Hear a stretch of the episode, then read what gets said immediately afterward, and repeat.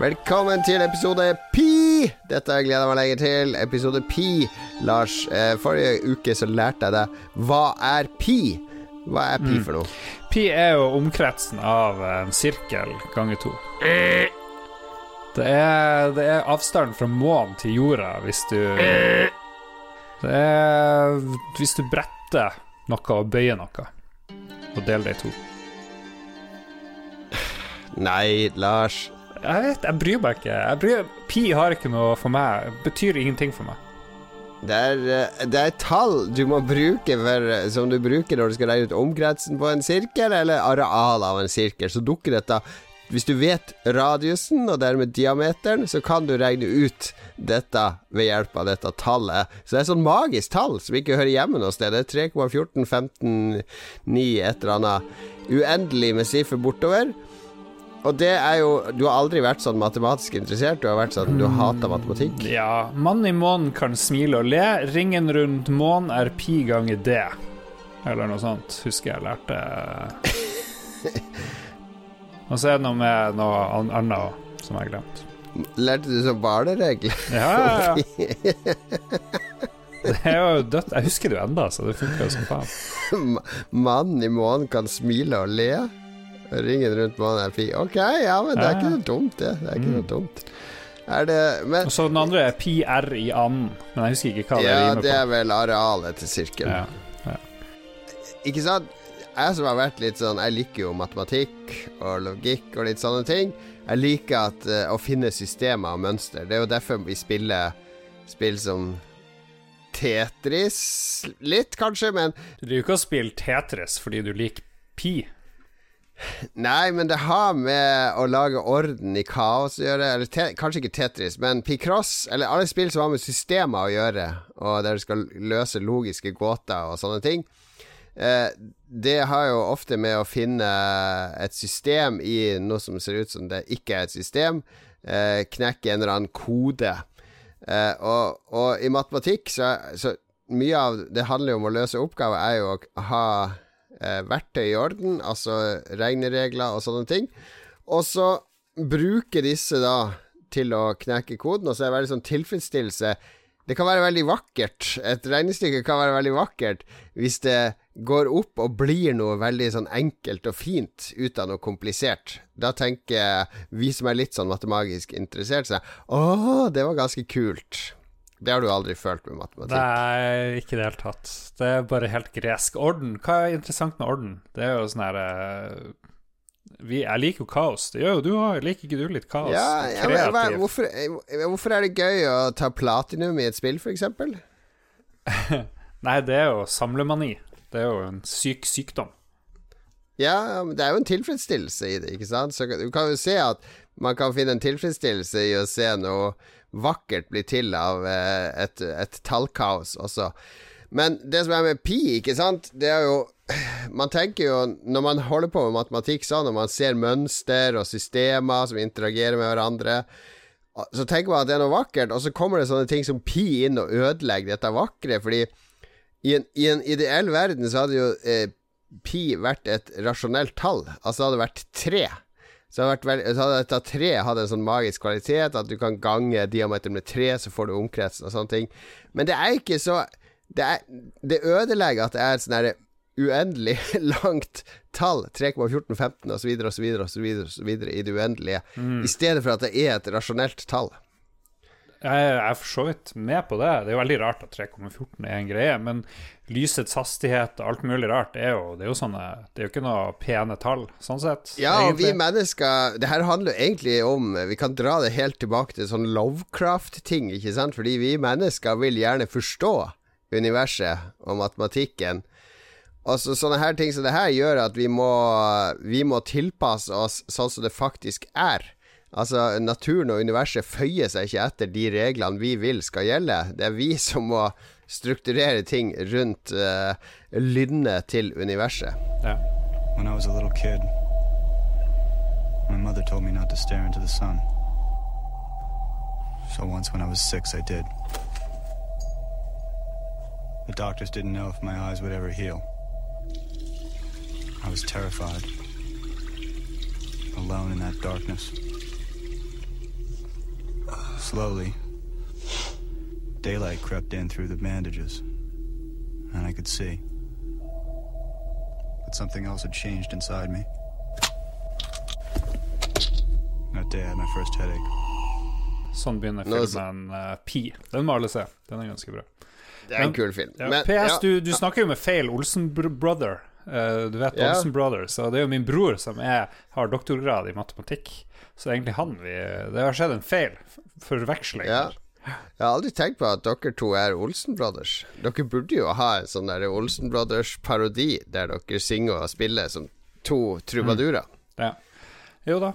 Men han bor i Sverige og blir stadig mer svensk, så han blir jo mindre Ja, vet du hva? Han blir mer og mer svensk, det må jeg si. Altså, han har vært i ferd med å bli indoktrinert av, eh, av det svenske Svensk genuspolitikk og uh, svensk korrekthet. Eh, Det er, det er nesten skremmende å se. Han har, han har omtrent forsvunnet fra mitt liv nå, faktisk. Jeg vet ikke hva de gjør nå i Sverige. De har isolert seg helt, de svenskene. Det er jo ingen som vil Ja, slippe er, dem inn. nå er de dritsur på Norge og alle land rundt for at de ikke får lov å reise hit. Og at vi ikke vil reise til de. De er, de er skikkelig fornærma på at de er blitt liksom de spedalske i Europa. Det er, det er ingen, nesten ingen land som vil ha de. Jeg, jeg har ikke noe sans for stopp islamiseringa av Norge, men jeg kan godt være med å, stapp, å starte stopp svenskifiseringa av Norge. Altså sånn at vi slipper å få de, de svenske Den svenske bevisstheten her i Norge. Det er, det er, det er skummelt å se. Ja, men nå trenger vi jo arbeidskraft, for nå po- Polakkene kommer jo ikke til Norge, de er jo stuck der nede. Vi trenger egentlig svenskene litt, tror jeg. Så vi burde, Ja, vi gjør jo det. ja, vi Jeg burde har ha jobba med mange svensker. Vi burde ha sånn leirer hvor de kan bo. Kan de få sånn stjerne på brøstet og sånn, og så kan de få lov å jobbe litt for føden. Nå, er, nå, er, nå, nå var det litt voldsomt, Lars. Nå gikk det Ja. litt for langt. Gikk for langt, gikk for langt, Ja. beklager det. Nei da, vi er egentlig glad i svensker, men jeg, jeg, jeg må si jeg morer meg mye med svensken, dansken og norsken. Denne, nei, norsken, dansken og svensken, denne podkasten som jeg har snakka om før. Dette NRK-programmet som er litt sånn eh, intelligent diskusjon om eh, nyheter fra Sverige, Norge og Danmark. Av, av, eh, vi- er veldig forskjellige land, og det er, det er mye rart som skjer i Sverige som, som eh, jeg, jeg syns det er fascinerende å høre Ja, hva er siste nytt Hva er siste nytt fra Sverige? Jeg får, jeg får jo ikke vite noe. Broren min vil ikke snakke med meg. Nei, de dør jo som fluer. Det dør vel sånn 90 stykker i døgnet av korona der borte. Og så Oi, oi, eh, jeg, jeg ikke, Skal vi gå inn på ekspressen.se og så se hva som skjer i Sverige? Ja, ja, jeg er med på det. Jeg kan gå på Aftonbladet, så har vi liksom Endelig riktig fotball! Se alle matcher i ettan og elitettan! Så fotballen er i gang, i hvert fall. Ettan og elitettan. Ok, det var veldig lite eh, korona her. Skal se Så prater du med barn om uroen for korona. Det, der har de det. Ja. Og så det en som heter Oscar på 28 som ble børsmillionær. Hvem som helst kan lykkes! Palme, altså det er selvfølgelig palmemor, det vet du. Endelig er det klart. De måtte, måtte faen meg bruke 35 år eller noe sånt på å løse en mordsak. Det er svensker, vet du. Altså var det en av de første de snakka med etter mordet òg. Oh, ja. ja. Hvem var han der eh, som man trodde det var kjempelenge? En sånn uteligger ja, Christer Petersson. Christer Sjøgren. Ja, det var noe sånt. Nei, det er ikke Christer Sjøgren. Det er sånn norsk eh, komiker, er det ikke det? Nei, ikke det vokalisten i Vikinger, da? Var ikke det Christer Sjøgren? Christer Petterson var jo han eh, som var mistenkt, og han ble vel egentlig dømt òg, så ble han frikjent. Herregud, som de rota med den saken der. Men det var en som heter Skandiamannen, som han er omtalt som, som var et øyenvitne, som bare leda de på ville veier. Og så når de tok opp eh, kan, kan det være han som har gjort det? Som er, nei, han, han ser ikke ut som noen morder, så det ble bare avvist. Men så var det visstnok han. 15 spabad, alt du behøver ha koll på. Bygg Ja. pool selv Sparer 250 000 spenn. Ok, nok svenske nyheter, kanskje. Men Scania-mannen, ja vel. Men er de sikre på at det er han? At de liksom Ja, han har vært død i 20 år, så ja. Oi, oi, oi. På premiumsak i Ekspressen er Dr. Phils mørka side. Han var et riktig svin! Det trodde jeg ikke om han Dr. Phil.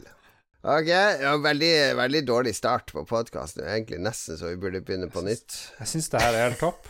Helt topp uh, podkast. Ok, vi er ferdig med Pi. Vi er ferdig med svenska.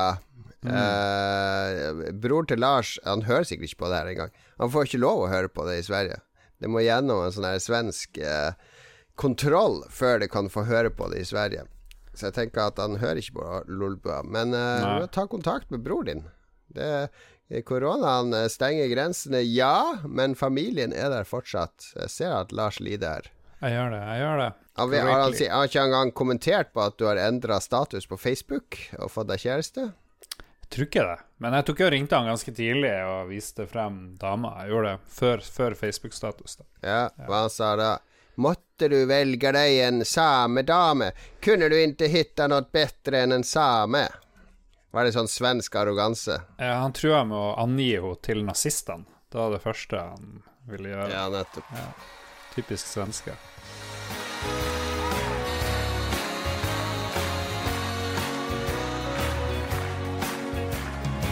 Tenk at her står jeg nå, midt i livet hva har du gjort i det siste, Lars? Tenkt Du har bare fylt inn 100 ting her. Ja, jeg har gjort mye rart. Jeg føler at livet mitt har bare eksplodert av aktivitet. Jeg har vært og gjort ferdig rotfylling. Eller ikke helt ferdig, da. Men jeg var jo i smerter for en uke siden, da vi tok opp den forrige. Husker du det? Jeg satt jo bare og led. Vi skulle gå gjennom 25 PlayStation-spill i sånn detalj, og jeg bare Jesus Christ, jeg har bare lyst til å dø. Så eh, jeg kom Ja, du ja. gjorde en stor issue av at du hadde litt vondt, jeg husker det. Ja.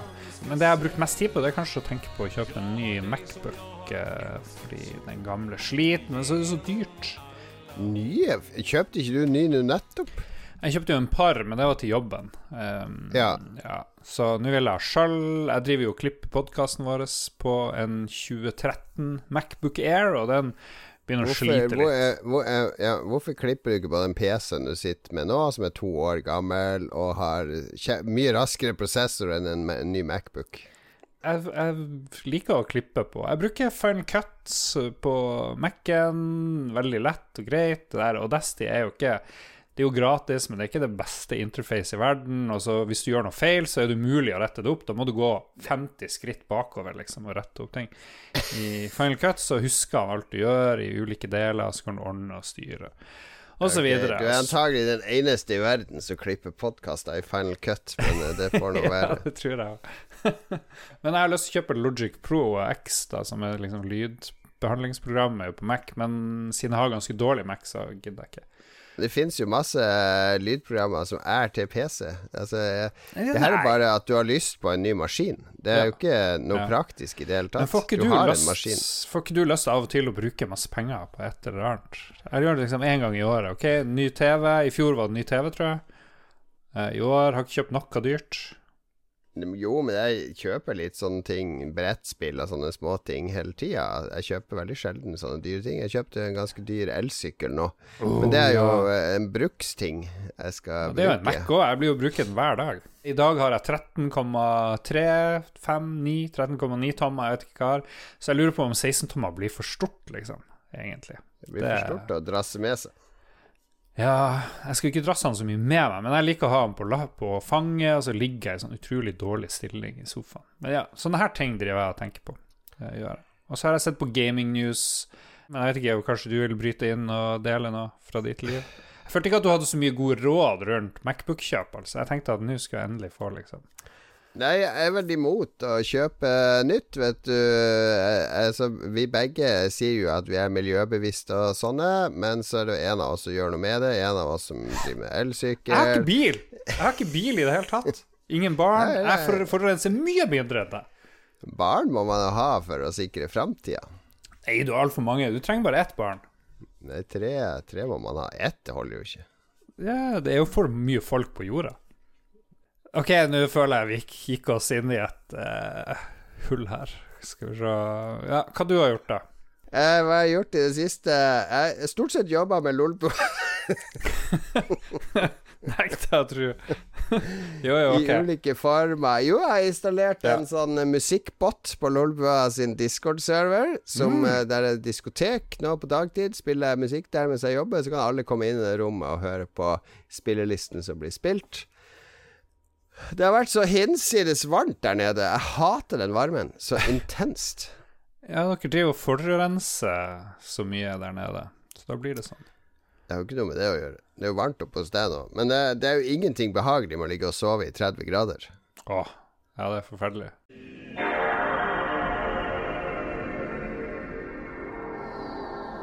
Uh, temaet for episoden er PlayStation 2.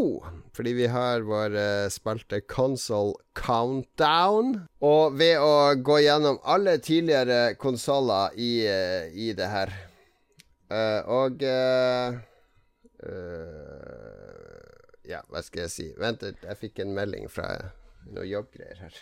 Noen jobbgreier midt i satan så uproft. Hei, hei, hei. Mens Jon Cato later som han jobber, har sikkert fått en eksistensiell krise eller et eller annet. Bare skjønt hvor meningsløst livet egentlig er. Så kan jeg si at rett før opptak så fulgte jeg med på der Jeff Keeley, han der Doritkongen, sin, eh, sommer, sitt sommershow. Det er jo noe sånn her I stedet for E3 så viser de Crash Bandicoot 4-trailere og sånne ting. Og Crash Bandicoot 4 så så ufattelig kjedelig ut. Eh, Det var liksom akkurat det samme som før. Jeg bare tenkte Ja ja, der er Crash. Crash er tilbake. Crash-spillene Crash-spillene har jo alltid vært kjedelige. Jeg har aldri skjønt appellen ved dem. Jo, jeg likte én og to, spilte de i jula, koste meg. Koste meg. Men eh, nå sammenligner jeg litt med Ratchet og Clank og sånt. eh, jeg. Ja. Jeg vet ikke. Jeg, jeg, når Crash kom, så var det liksom Crash på PlayStation mot Nights på Saturn mot Mario 64. Eh, hallo? Det var jo en Crash nådde jo ikke Mario opp til lilletåa engang når det gjaldt uh, kult spill. Nei, men han hadde en slags sjarm, da, av en eller annen grunn. Han kunne snurre fort rundt. Ja, th- that's it. Det var en one trick uh, pony. jeg, jeg spilte aldri Jeg skjønte aldri hvorfor dere likte det der eh, Crash-spillet. Det var det Og det, altså det sjarmløse designet på han der uh, dumme Det var jo sånn Ren og Stimpy-aktig eh, utseende på han med tunga ut, skal se litt crazy ut og Ja, Men kom det før Super Mario 64? Fordi det her var, han sprang innover i skjermen, og det var jo litt kult. Ja, det var jo fordi PlayStation var så begrensa. Det var jo vanskelig å lage noe så omfattende som et fullt 3D-verdensspill. Kom jo det òg, da, men det var jo Det var sånn krigen var. Altså, vi var jo på Vi var jo kriga i nyhetsgruppe på denne tida. Eh, Comp News eh, Console PlayStation, eller hva det het. Du husker disse gruppen vi hang på på Blindern. Og da var det liksom eh, Det gjaldt å posisjonere sin konsoll mot de andre, og da ble liksom maskotkrigen ble Nights mot Crash mot Mario. Det var de tre flaggskiptitlene som liksom skulle være maskoter for de tre konsollene. Ja. Skal vi se Crash Bandicoot, hvilket år kom det? da? Det kom i 96. Ja, det var samme år som eh, Nintendo 64. Var det det, ja? Jesus. Ja. Ok. ok Så det var de tre i strupen på hverandre, og jeg skjønner jo at folk likte Crash. Sikkert mange første spillmaskin de hadde, var en PlayStation. Crash var jo tilgjengelig og artig. Knuse bokser og samle epler og hoppe over groper og sånn, men sett i det store sammenhengen Altså, det er som at du bare sett eh, Du begynner å se film, og så ser du Olsenbanden og Dynamitt-Harry rane Verdensbanken. Og så tenker du wow, det er den beste heist-filmen jeg har sett. Og så kommer Vent nå litt, se her, du kan se Heat, du kan se Og så kan du legge fram en masse sånne utenlandske filmer, og så bare åh! Å, dette var jo kult. Ikke sant? Det er det samme med de som likte Crash. Det var eneste sånn type plattformspill de hadde spilt. Det var mottagelig. Så det blir jo klart det blir magisk for deg å få det som en introduksjon til sånn type 3D-plattformspill. Ja. Ok, men PlayStation 2 var det det skulle handle yeah. om før jeg fikk denne meldinga. Um, lansert i år 2000, og da må vi jo eh, sette oss inn i tidsmaskin og reise tilbake til år 2000. Ja, må Hva vi det? det? Må vi egentlig det? Eller vi må jo det, men jeg føler at det, det er tidligere Det har vært litt mye detaljer, da. Så jeg håper ikke du går, så dypt ned i eh, år 2000. Jeg kunne tatt med det aller, aller, aller viktigste. Okay. ja, sånn som Eu- Eurovision, fotball-EM, eh, hvem som vant eh, eh, Eliteserien for kvinner i fotball i Norge, osv. Hæ? La oss begynne med noe av det aller viktigste. Microsoft blir knust av USA i, eh, i retten i USA, nemlig disse antitrust-lovene. Eh, Microsoft prøvde jo å gjøre Windows mest mulig til et sånn lukka system. Ikke sant? Du måtte bruke Internett Explorer og kun Microsoft sine programmer der. Og så ble det litt bekymring. Jeg tror det. Jeg, jeg har ikke lest meg opp så mye på det, men jeg syns jeg husker at det, Det var noe sånt. det her. Det er jo ingen som husker det her. Men det er jo ironisk, fordi nå driver Microsoft og retter skyts mot Apple nå i dag, om at uh, det er for lukka. Det finnes jo gamle klipp av Steve Jobs fra denne tida og før, der han raser mot disse lukka systemene, uh, der, der Apple ikke kommer inn. Så dette går virkelig uh, frem og tilbake som Ja. en uh, sinnssyk pendel.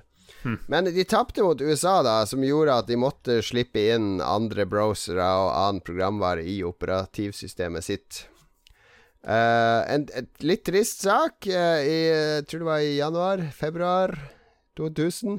Så kommer den aller siste stripa med knøttene på trykk i amerikansk avis. Fordi dagen før den var på trykk, så døde han Charles M. Schultz, som tegna den i sikkert 100 år. Jeg syns den knøtten har eksistert alltid. Ja Leste du mye knøtter? Jeg føler at det her er ikke så viktig for meg å vite om år 2000. Heller det her. Jeg elska jo, jeg jo tegneserier da jeg var liten, men uh, altså Jeg hadde litt samme forhold til tegneserier som jeg til, fikk til spill etter hvert. At jeg ville gjerne lese alle tegneserier som fantes i hele verden, og forstå de. Forstå appellen med de. Det er jo sånn jeg har det med spill. Jeg vil jo gjerne eh, forstå appellen med alle spill. Sette Ah, ja. meg inn i alle spill, ha kunnskap om alle spill. Ja, det kalles nysgjerrighet, Lars. Å ville spille alle spill, det høres ut som mer sånn samlemani, eller noe sånn her eh, Nei, ikke at jeg vil spille alle spill, og det er masse sjangre jeg ikke liker, sånn som real time strategy og sånn, men av og til så spiller jeg de bare for å forstå hva det går ut på.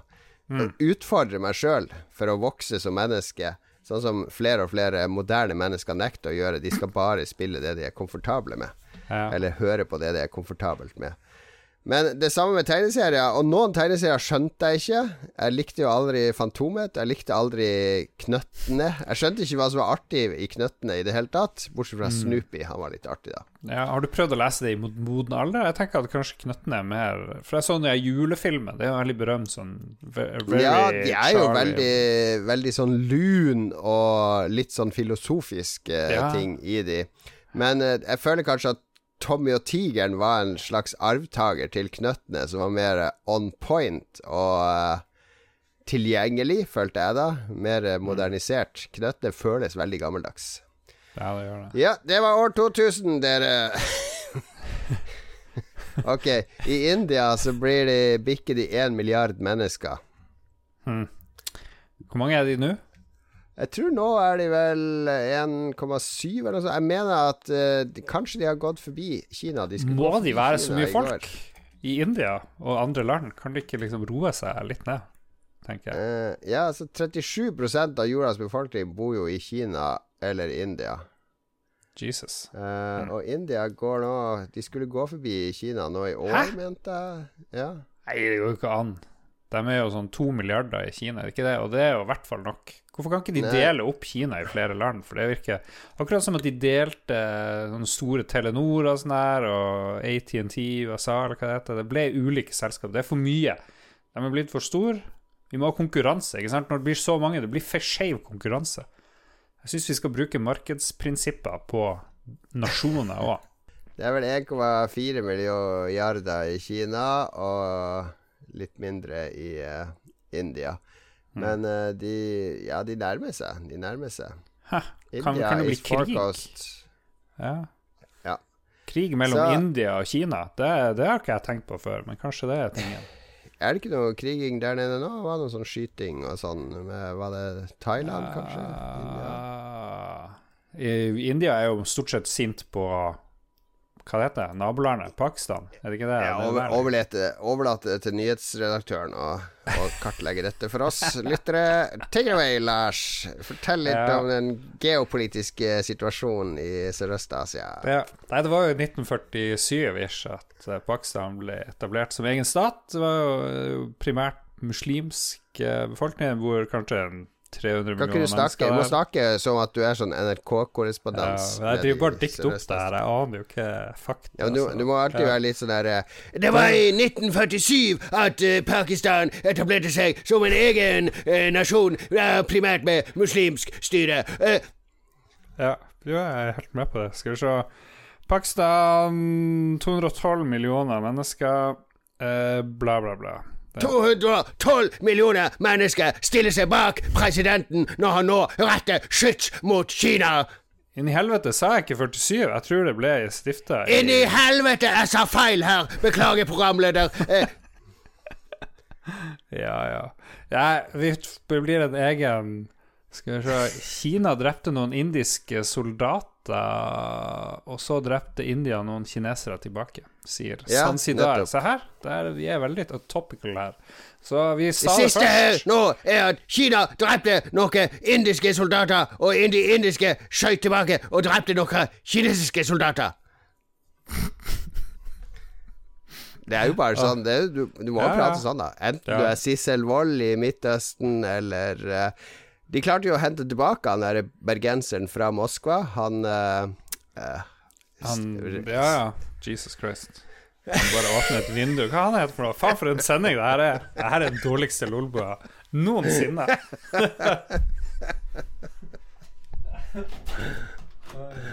Det er så varmt her òg. Tar helt av. Ja, ja, ja. De klarte å hente tilbake av bergenser og så sende en ny bergenser dit. Så det ble liksom akkurat det samme fra Russland. Hva heter han bergenseren? Eh, så må vi ikke glemme, når år 2000 starta, så lå jo alle på gulvet og ba til høyere makter om at datamaskinene våre skulle overleve. For det var jo den gigantiske Y2K-frykten. Eh, Datakonsulentselskaper håva jo inn milliarder på at banker og alle mulige eh, organisasjoner og selskaper med datasystemer på nett trodde at alt skulle kollapse, fordi at det å gå fra 99 til 00 ville ikke datamaskinene håndtere. Nå sier han men en sånn at det var Hans-Wilhelm Steinfeld. Det er jo han er Hans-Wilhelm Steinfeld! Der, ja. ja. Jo, Y2K, det var jo stort. Faen heller. Det, det virker ikke som at det er så lenge siden, men uh, ok. Tida går. 20 år siden. Ja, Nei, det gikk jo bra. Og det skjer mye på internett uh, i disse tider. 405 The Movie, har du sett den? Er ingen, hvorfor skal vi vite om 405 The Movie? Her? Det er verdens første film som ble distribuert på internett. En kortfilm. Men det var i år 2000 allerede. Så ble verdens første film. Tenk på det, da. Se på da hvor mye du ser på Netflix og Amazon Prime og alt der. Uh, bare for 20 år siden så måtte folk bane vei. Pionerer sendte film på internett allerede for 20 år siden. Okay, men hva er den filmen, da? Hvilken, film er 405 The Movie? Den var elendig, for det er ingen som har hørt om den. Ofte er jo det som kommer først, eller debuterer, er jo ikke det beste. De baner jo vei for, det- for det andre. Eh, et annet internettfenomen som ble oppretta i 2000, var jo Deviant Art, som er en veldig, veldig artig sånn kunstside der folk eh, lager variasjoner på andre Eller lager kunst, gjerne inspirert av f.eks. dataspill eller andre ting. Ok. Eh, Mer fra 2000. Du har vel ikke fått nok? Uh, jo. Ok, Det var jo fot fotball-EM i Belgia og Nederland, vet du. Frankrike stakk av med seieren. Ingen som ja. bryr seg om EM. VM, Jeg ok. Husker Euro 2000-spillet fra Electronic Arts. Kom i salg i mars, eller april, var det vel, i 2000. Utsalgspris 499. Og i august-september så var det satt ned til 99. det var de For var, ingen ville ha et sånn EM-spill. Akkurat sånn som du reagerer nå. Åh, EM, det er ikke noe kult. Ja, ja. Og de hadde så overvurdert hvor mange som var interessert i å kjøpe et sånn EM-spill til 500 kroner, liksom. Så vi hadde så mye av det på lager på Akersvik, husker jeg, at vi, vi fikk det nedskrevet helt enormt fra EA bare for å bli kvitt det. Ja. tilpass for dem. Bare kutt hele EM. Det er jo bare tull. Og så var det jo en gigantisk eh, Eller en forferdelig opplevelse på Roskilde i Danmark. eh, Her som veldig mange nordmenn brukte å reise hvert år for å oppleve konsert. Det var Pearl Jam-konsert, og der skjedde det svikta mye ting. Og ni stykk ble drept i folkevegnene som prøvde å presse seg fram mot scenen. Ble rett og slett skvisa og trampa i hjel. Det er ikke meninga å være kjip her, men hvor mange døde i Sverige til korona i går, liksom? Det sånn Ja, ja det var over 90, men Ja. uh, det er jo Det det er 90 90-åringer som døde i Sverige til korona i går, som lå på sykeleie. Men det var ikke 20 ni- Det var ikke ni ungdommer som sto Vi foran en får scene Pearl for å Jam inn i. Sverige, skal de spille konsert hver dag i ulike byer. Har du vært på Pearl Jam-konsert? Nei, jeg har ikke det. Det er bra. Nei, jeg, jeg har ikke vært der. Men det er sånn Ok, la oss bli ferdig med det her årstallet. Det var en, et- det var jo, jeg husker godt den uh, hendelsen der. Da. Det gjorde stort inntrykk på meg at man kunne dø på konsert, liksom. GameCube blir vist frem for første gang i august. Nå har jo PlayStation 2 allerede vært vist frem. Den ble jo, og den ble jo lansert i eh, mars i Japan, og så i september i USA og november i Europa.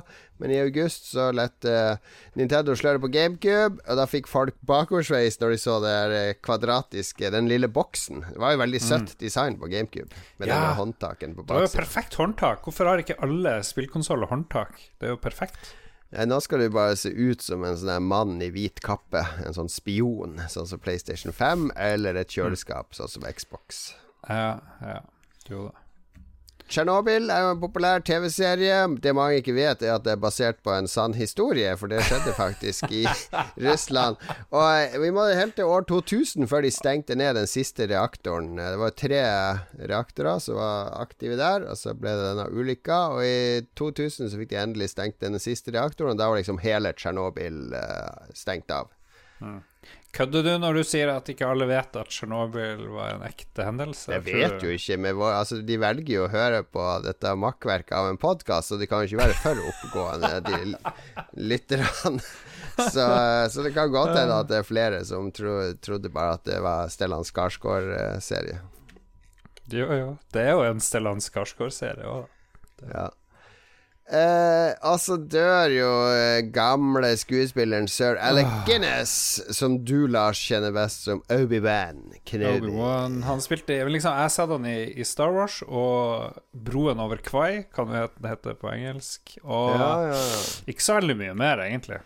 Jeg har sett han i litt sånne eldre filmer på Det var en sånn stor Alec Guinness-samling på Criterion Collection for ikke så lenge siden, så da så jeg et par.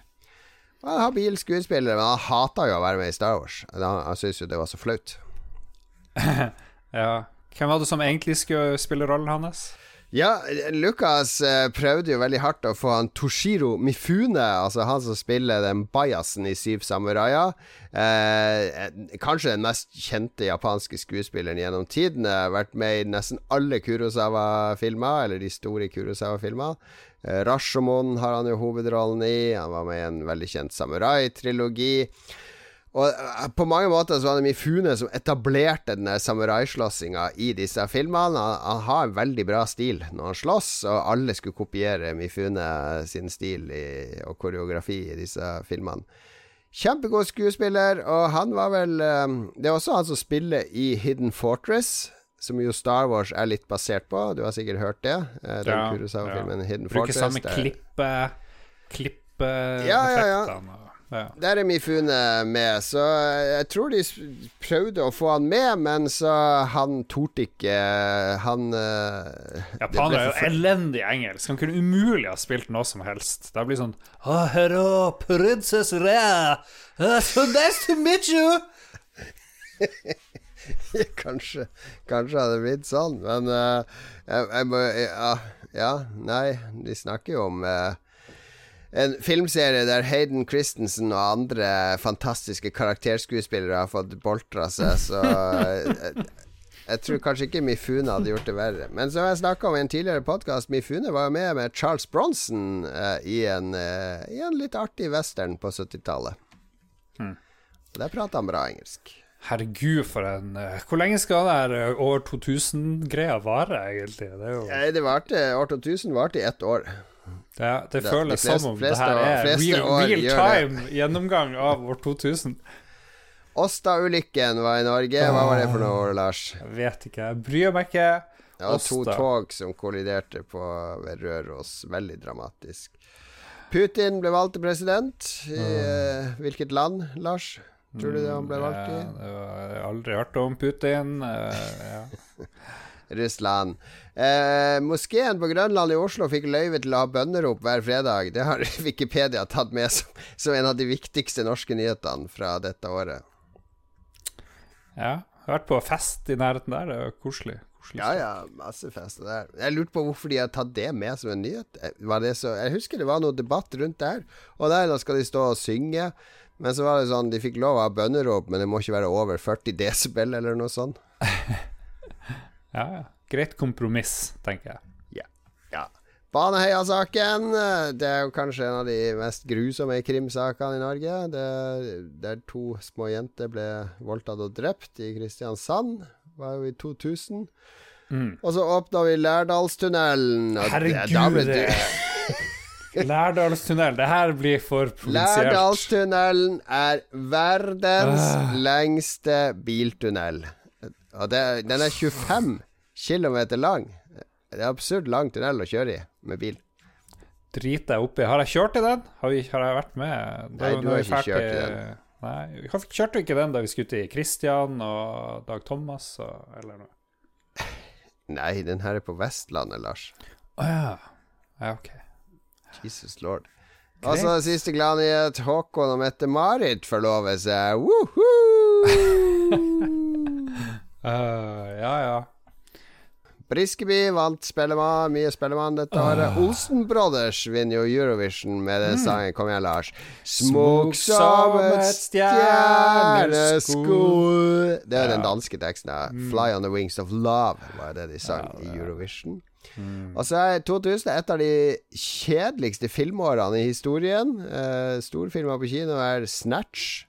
Den var ganske bra, da. Guy Ritchie. Ja, ja. Castaway, Erin Brockovich, Gladiator, oh, The Perfect Storm, herregud.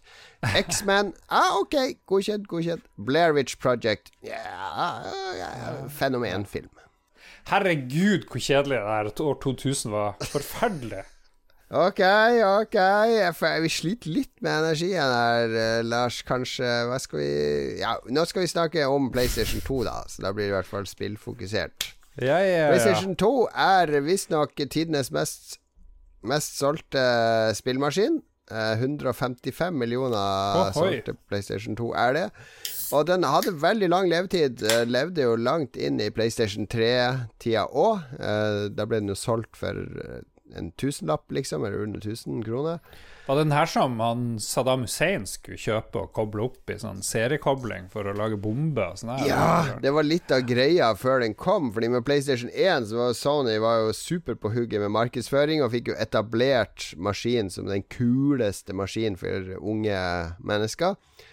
Eh, og med PlayStation 2 så fortsatte de litt i samme sporet, men det var, det var ikke så mye hype i forkant av PlayStation 1 som det var i forkant av PlayStation 2. Fordi folk, PlayStation 1 der begynte folk å kjenne på begrensningen, og det de viste fra PlayStation 2, så jo så mye bedre ut. Altså Det var jo mye større sprang i grafikken her enn det er fra PlayStation 4 til 5, f.eks. Ja. Sånn på overflata. Så, så det ble jo en sånn hypemaskin der nyheter og rykter om eh, ja, Saddam Hussein skal bruke den til å styre Scud-raketter og eh, det ene og det andre, som, som gjorde at folk var helt Det var en feber rundt PlayStation 2, rett og slett. Jeg tror aldri jeg har vært med Kanskje Nintendo 64 er sammenlignbar, men det der var også en voldsom feber før den kom. Ja, men eh, et, jeg jobba jo i butikk på denne tida, og når PlayStation 2 ble lansert Jeg tror vi fikk 16 maskiner eller noe sånt til min avdeling i Akersvik, som alle var liksom reservert. Og så, så, sje- og så skulle vi få nye neste uke, da. Ti nye. Og han sjefen bare når, vi Ikke reserver noen, vi skal selge én maskin hver dag til høystbydende. Han ville ha sånn auksjon i butikken der alle som ville ha en PlayStation, kunne komme inn og så stå og by. Wow. Eh, 6000, 6500, 7000 osv. Men det, vi fikk klart å stoppe det. Det ble for drøyt, herregud. Det var kapitalisme i reindyrka Ja, men vi form. solgte de ganske dyrt. Det, var, det er jo ikke lov for, eh, for en, eh, en distributør eller utgiver å sette en utsalgspris på en vare i Norge. Altså ja. jeg, jeg kan ikke selge jeg kan, Hvis jeg lager et produkt, og så selger det til Elkjøp Jeg sier jeg lager en radio, og selger den til Elkjøp, så kan jeg si ja, dere kan få kjøpe den for 500 kroner av meg, og så må dere selge den for 800 kroner. Jeg kan ikke si det. Jeg kan bare si det, dere får kjøpe den for 500 kroner fra meg, og så må jeg holde kjeft. Ja. Så, så er det Elkjøp som bestemmer. Jeg kan si at det er kult hvis den koster 800 kroner, fordi at alle tar det samme for den, så slipper man prisdumping og sånn, men det, det er opp til de åssen de vil prise den. Og sånn er det med konsoller òg. Og basically, sånn som det er når du jobber i butikk, butikk så tjener du ingenting på konsollen. Jeg tror det, vi tjente sikkert 10 eller 20 kroner per konsoll vi solgte. Men tok du, tok du eh, maskiner til deg sjøl? Ga du maskin til meg? Jeg husker ikke hvordan det fungerte der. Eh, hukommelsen Ja, jeg, er jo- jeg gjorde vel det når jeg var avdelingsleder. Jeg kjøpte jo til meg sjøl, selv, selvfølgelig. Ja, Fiksa du ikke maskin til meg, liksom? Hva er det for noe? Nei, var du Ja, du var, du, du var i Japan nå, var du ikke det? det var, Jeg var i Japan til jul, jula 1999, så kom jeg hjem eh, rundt nyttår. Ja, men da, du før for jo fra Oslo. Du bodde jo ikke i Oslo etter det. Ja, jeg dro av gårde. Ja, ok, så du bare dumpa meg som venn? Det var, Ja, ok. gjorde nok det. Super Ninja-pilot sier at USA lagde embargo mot Irak, sånn at de ikke kunne kjøpe PlayStation 2. Ja, ja, ja. Smart. Smart. Mm. Der var det smart president der borte, vet du. Ja. Ikke, ikke han der Trumperen. Det var en George Bush Nei, Clinton var det vel, og så var det Bush. Vi leder jo dette året. Oi, oi, oi. Uh, så uh, ja, det var jo Det var helt vilt med folk som ville ha den. Jeg tror vi solgte maskiner for 6000, og at vi faktisk tjente penger på det. Uh, vi kunne solgt de for 4500, tror jeg. Det var liksom det som ville vært standarden, men eh, vi var oppe i 6000, mener jeg husker, og folk ville ha det. Og ikke minst fordi at det var jo også en DVD-spiller. Ja. For mange var jo dette den første DVD-spilleren, for DVD-spillere Mm. kosta jo 3000 eller noe sånt på denne tida. Ja, hvis du skulle du ha en måtte jo eh, ha billig. Vi kjøpte jo sånne regionsfrie DVD-spillere, gjorde vi ikke det? Det holdt jo ikke bare med en PlayStation 2. For vi Nei, det var jo fra- veldig mye styr med regioner på denne tida, fordi Og det her vet jo heller ikke kids som er født i 2000 og er 20 år nå.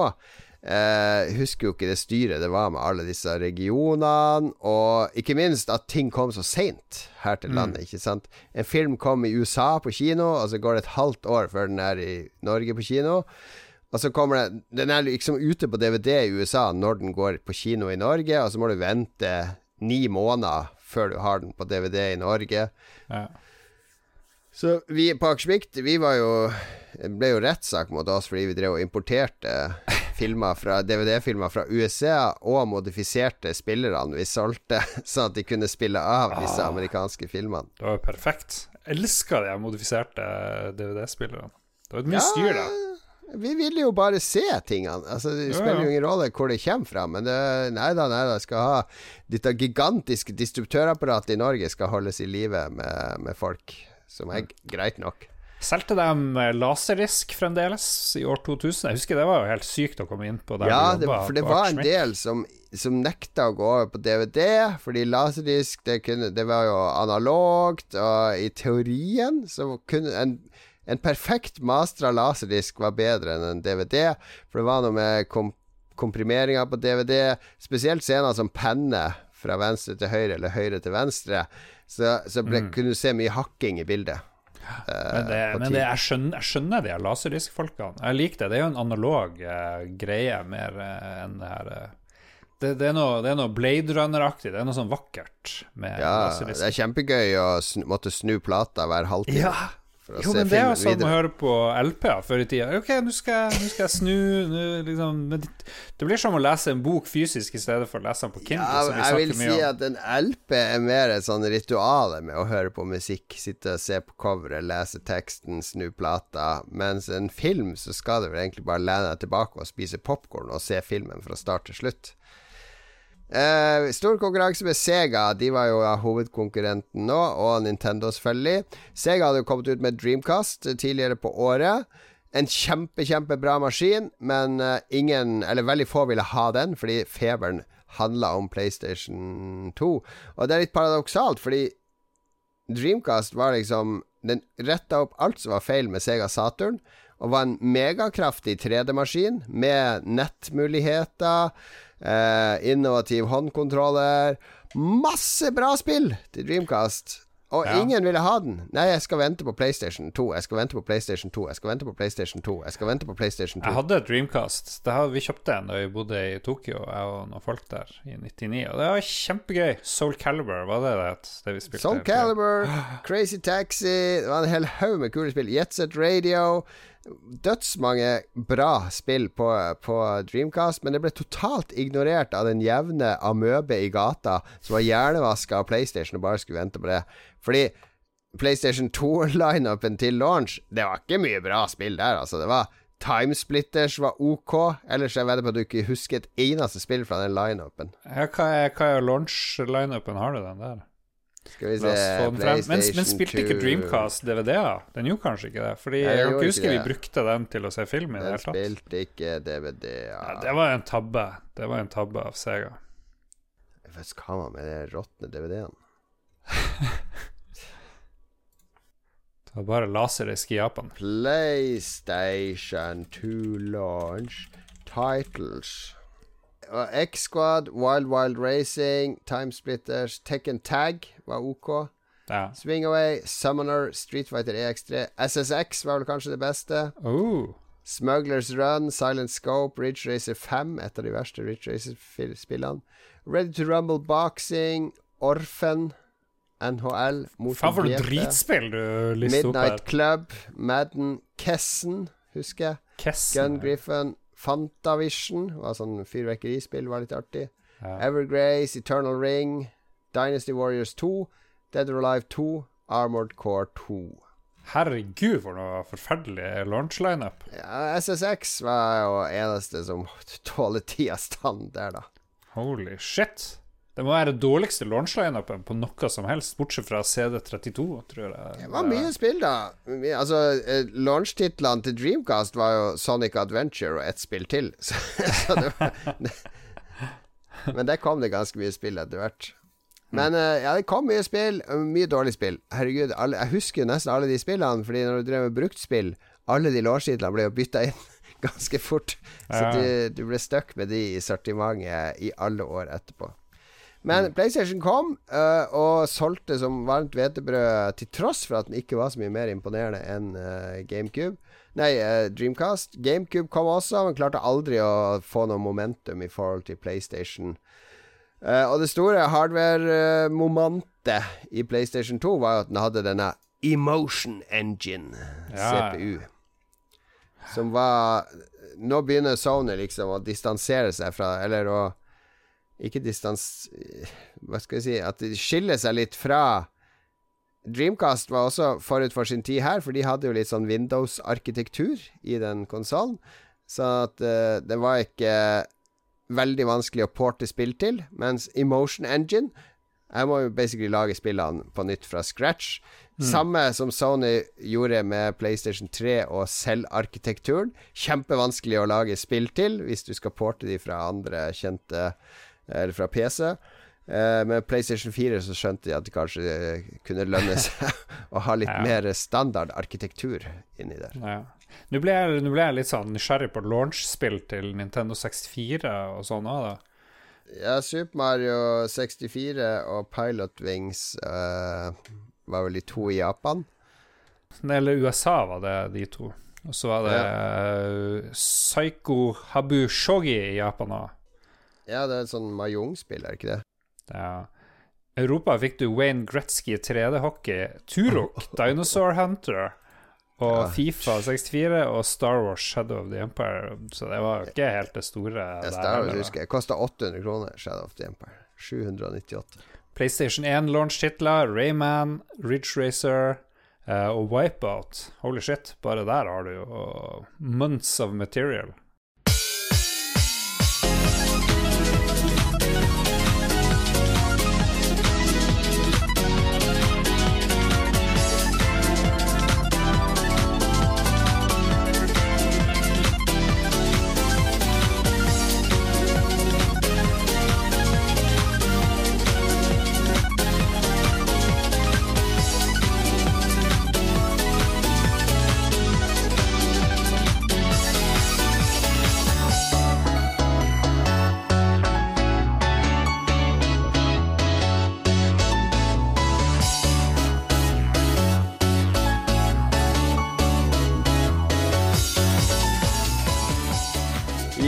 Yes, det er energispesial på Lolbua. Pi R i andre.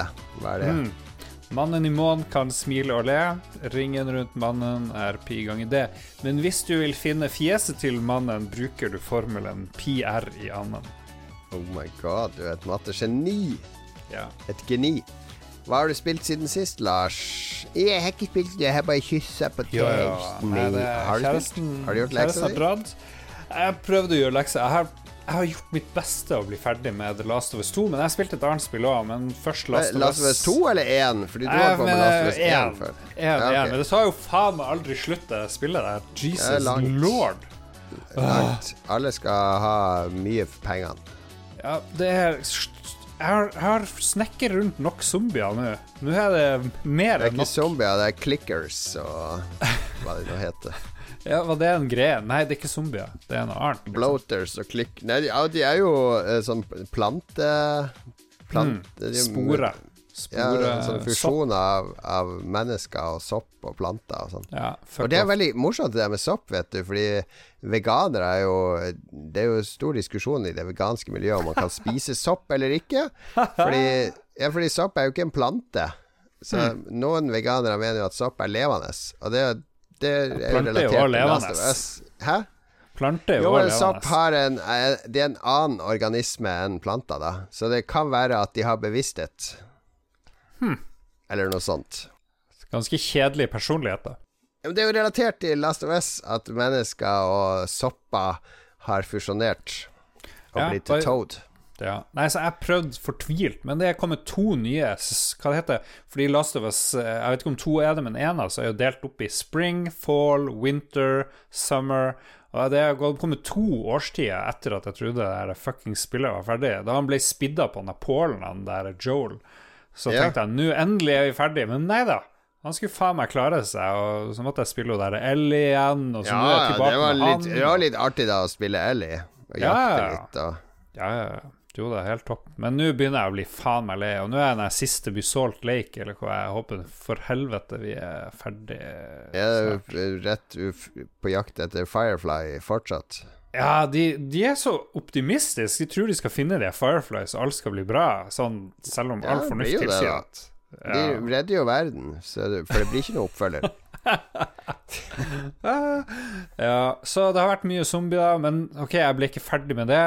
I panikk tenkte jeg måtte spille noe, og så så jeg jo på Kotaku at uh, det var kommet oppfølger til Desert Golf uh, Desert Golfing, eller Desert Golf, jeg husker ikke. Ja, La oss få tidslinja riktig, for vi har jo et sånn internforum for oss Harstad-venner. Ja. Der jeg for tre dager siden tipsa Vet du at det er mye Desert Golfing-fans der? Se her. Mm. Golf on Mars er ute. To dager senere så poster du 'Hallo, karer! Nå er det kommet en oppfølger til Golf on Mars!' Bare ignorert totalt mitt bidrag legger Ja. opp, som allerede hadde blitt klappa og jubla Ja, for. ja. Nei, jeg fikk ikke det med meg. Det Beklager det. Nei, nei, nei, Ja. Men jeg, jeg tar, tar selvkritikk. Og så laster jeg ned Des Golf on Mars, Golf on Mars, og jøye meg, det er vanskelig. Eh, Har du spilt det noe særlig? Hvor langt har du kommet? Jeg har spilt 40-50 brett, eller noe sånt. Det er 27 milliarder brett, tror jeg. Jeg kødder ikke. Ja, var, de hadde regna det ut. 27,7,6 nuller. Hvor mye er det? Det blir ganske mye brett. Det blir en god del. Jeg tror det er 27 milliarder brett, noe sånt. Ja. Jeg har kommet til brett 50. La oss bruke tid på å finne ut om nøyaktig hvor mange brett. Men det er ikke skjønt, fordi hvis du har spilt det, hvis du har kommet litt langt, så driver du Fordi det bare er Det er en endeløs golfbane, og du går hele tida mot høyre, og så skal du slå ballen. Du liksom bare drar skjermen, og så bestemmer du vinkel og fart. Kraft i slaget, Ja. og så sender du av gårde ballen. Og du har uendelig forsøk, men så er det jævlig vanskelig. Ja. Og så, og så noen ganger så dukker det opp en pil som går opp og ned. Pil som går opp og ned på, på skjermen et eller annet sted når du gjør det. Så jeg lurer på hva i helvete er det for noe. Det har ikke jeg funnet ut. Du har, Jeg har ikke spilt. Jeg spiller ikke- ikke Nei. Det er sjelden jeg spiller på mobil. Jeg trodde du ville forstå alle spill i verden. Eh, Jo, jeg har jo spilt uh, Desert eh, Golf, altså, men så hørte jeg at det her var sånn sinnssykt vanskelig. Altså, det er, mm. er begrensa hvor mye jeg sitter og bæsjer. Det er jo strengt tatt bare da jeg spiller på mobilen. Det er jo nå, nå Oi, nå kjenner jeg her blir jeg sittende kanskje ti minutter. Da må jeg få Ja. finne fram et spill. Nei, men det jeg så, og dette høres jo også veldig fælt ut, for jeg er jo helt imot det. Det var så, Å, da kommer jeg, og så går jeg inn, og så sier jeg 33 kroner! Det er jo ingenting. Ja, men jeg betaler liksom for Apple Arcade og sånne ting. eh, og så skal jeg Så ble jeg litt sånn eh, 33 kroner. Det er ingenting, jeg er enig i det. Det er liksom eh, en softis. eh, Oi, oi, oi, nei, Lolbua-sendinga her, altså. Ja, men jeg har spilt nye spill her, skjønner du, så nå kan vi redde det inn igjen. Jeg har faktisk uh, Jeg ble veldig nysgjerrig, for jeg så at Desperados 3 hadde dukka opp. Um, Desperados og Commandos var to serier jeg husker godt fra 90-tallet, for de solgte jeg veldig mye av når jeg jobba i spillbutikken Akersvik. Uh, og de var en sånn avart av disse strategispillene som Red Alert og, og Warcraft. Med at i stedet for å styre svære armeer og produsere masse tropper nede i en sånn base, så styrer du bare to, tre, fire, fem enkeltpersoner på et stort kart. Og så er det liksom Du skal eh, bryte en kar ut av fengselet i enden av kartet, og så er det vakter overalt, så går det og patruljerer, det er ting som skjer, ting du kan plukke opp. Du kan slenge en dynamitt opp der, eller du kan starte en bil, og så kommer det en vakt og undersøker bilen, og så kan du slå han ned bakfra. Ja. Det, er, man- det er basert på denne filmen 'Desperados' med han kan det, Det Robert med, Rodriguez. med Det er ingenting med Roberto Rodriguez-filmen å gjøre, Okay. dessverre. Ja. Men det, det er et strategispill, da. Det er et taktisk spill der du bare ser ovenifra, og så Du går dit, du går dit, vent der, og så kan man synkronisere sånne angrep. Du kaster den flaska på han, og så kaster du kniven på han samtidig, og så skyter du han. Så bare har du det på pause, og så start, og så bare Og så sitter du der som Hannibal i 80 med bare I love it when a plan comes together. Likte litt, ligner det litt på det der Engage-spillet, som var ganske tøft. Pathway to Glory, eller jeg husker ikke helt hva det var for noe. Det var litt sånn Engage-spill? Har du et Engage-spill som referanse på noe som helst? Ja, det var sånn squad-based uh, skytegreier. Det var awesome. vet Prøvde du ikke det? Vet du hva.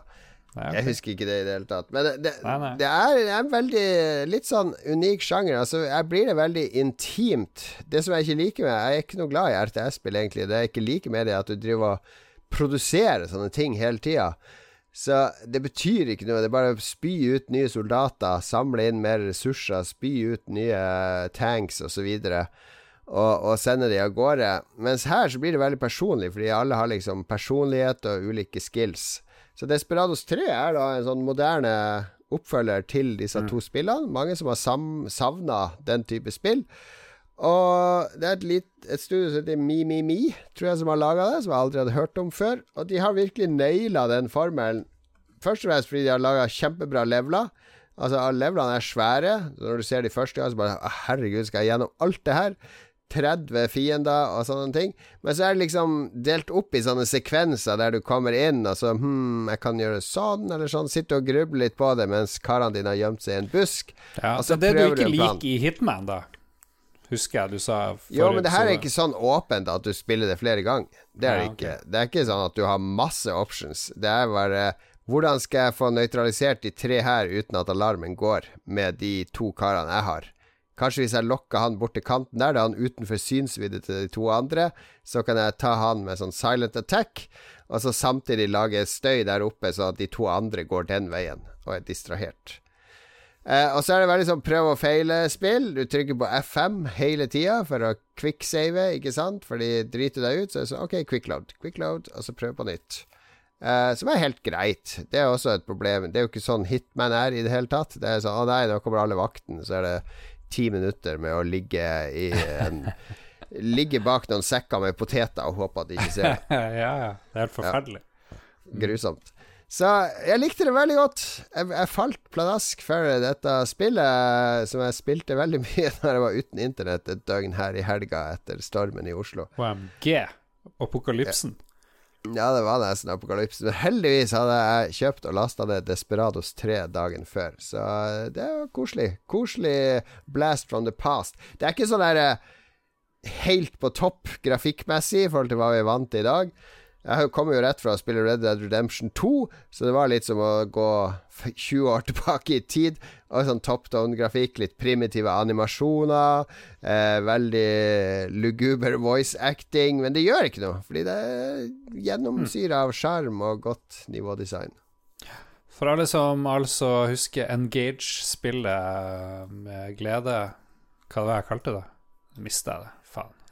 Pathway to Glory kalte du det. Det er ingen som husker noen Engage-spill. Det var Lars, gi. De eneste som spilte Engage, det var alle de korrupte journalistene som fikk en Engage i posten, og som prøvde å bruke det danskene kalte for det talende tacoskjell som en telefon. For du måtte jo husker- holde det ut som en sånn Jeg husker jeg gikk på. GDC i et eller annet år med tacoskjellet inntil hodet. Jeg, følte, jeg har aldri følt meg så dum.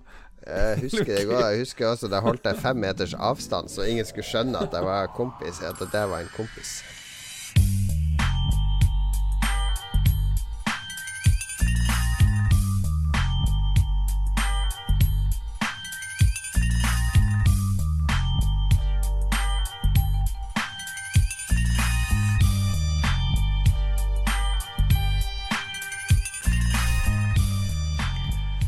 Ok, vi har uh, litt tynn sending i dag. Vi prøver desperat å finne ting som uh, kan få den opp. Så da har vi jo den gode spalten Hva har vi spist i det siste? Ja, ja, ja. Det er jo en super spalte. Jeg kan ikke følge føle ikke noe skam ved å dra frem den. Uh, Men jeg føler du Det var jeg som fant på denne spalten, Ja. og det var litt for å fremheve nye kulinariske opplevelser. Ja. Både positive og negative. Jeg føler du kanskje bruker den litt mest til å skryte. Å, se hva jeg har spist i det siste. Ja, Hvem er det som skryter med den jævla omeletten din? Hvordan går det med omeletten, forresten? Har du gitt den opp? jo, jeg klarer å lage den fortsatt. Jeg lager den ikke så ofte lenger. Ja, ok.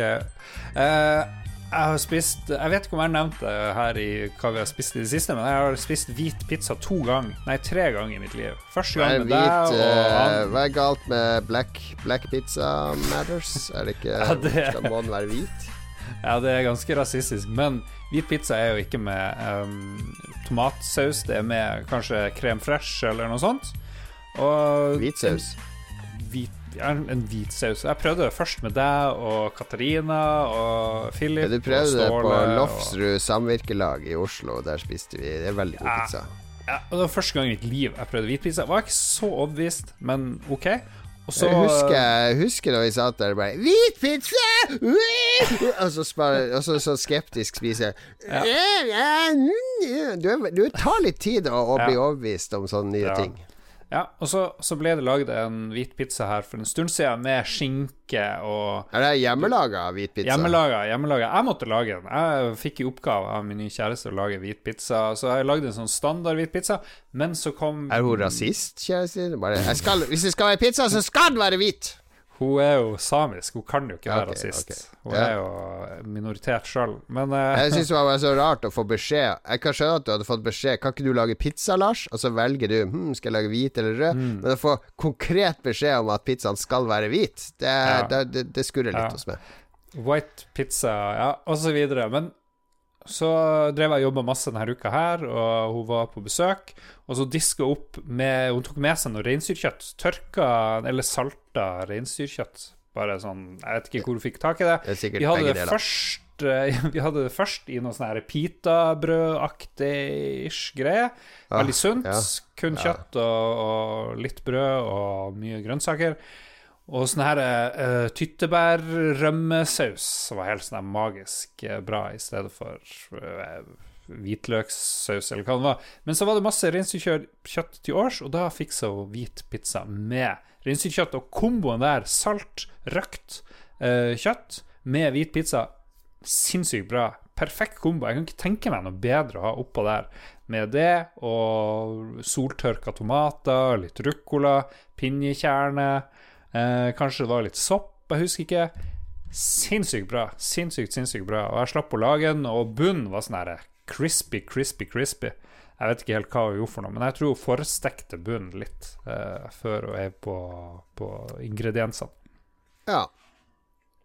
Blir du frista? Høres ikke det bra ut? Jo, jo, jeg har spist uh, Jeg har faktisk spist pizza med reinsdyrkjøtt og What?! eh, Det skal sjekke her når vi først er.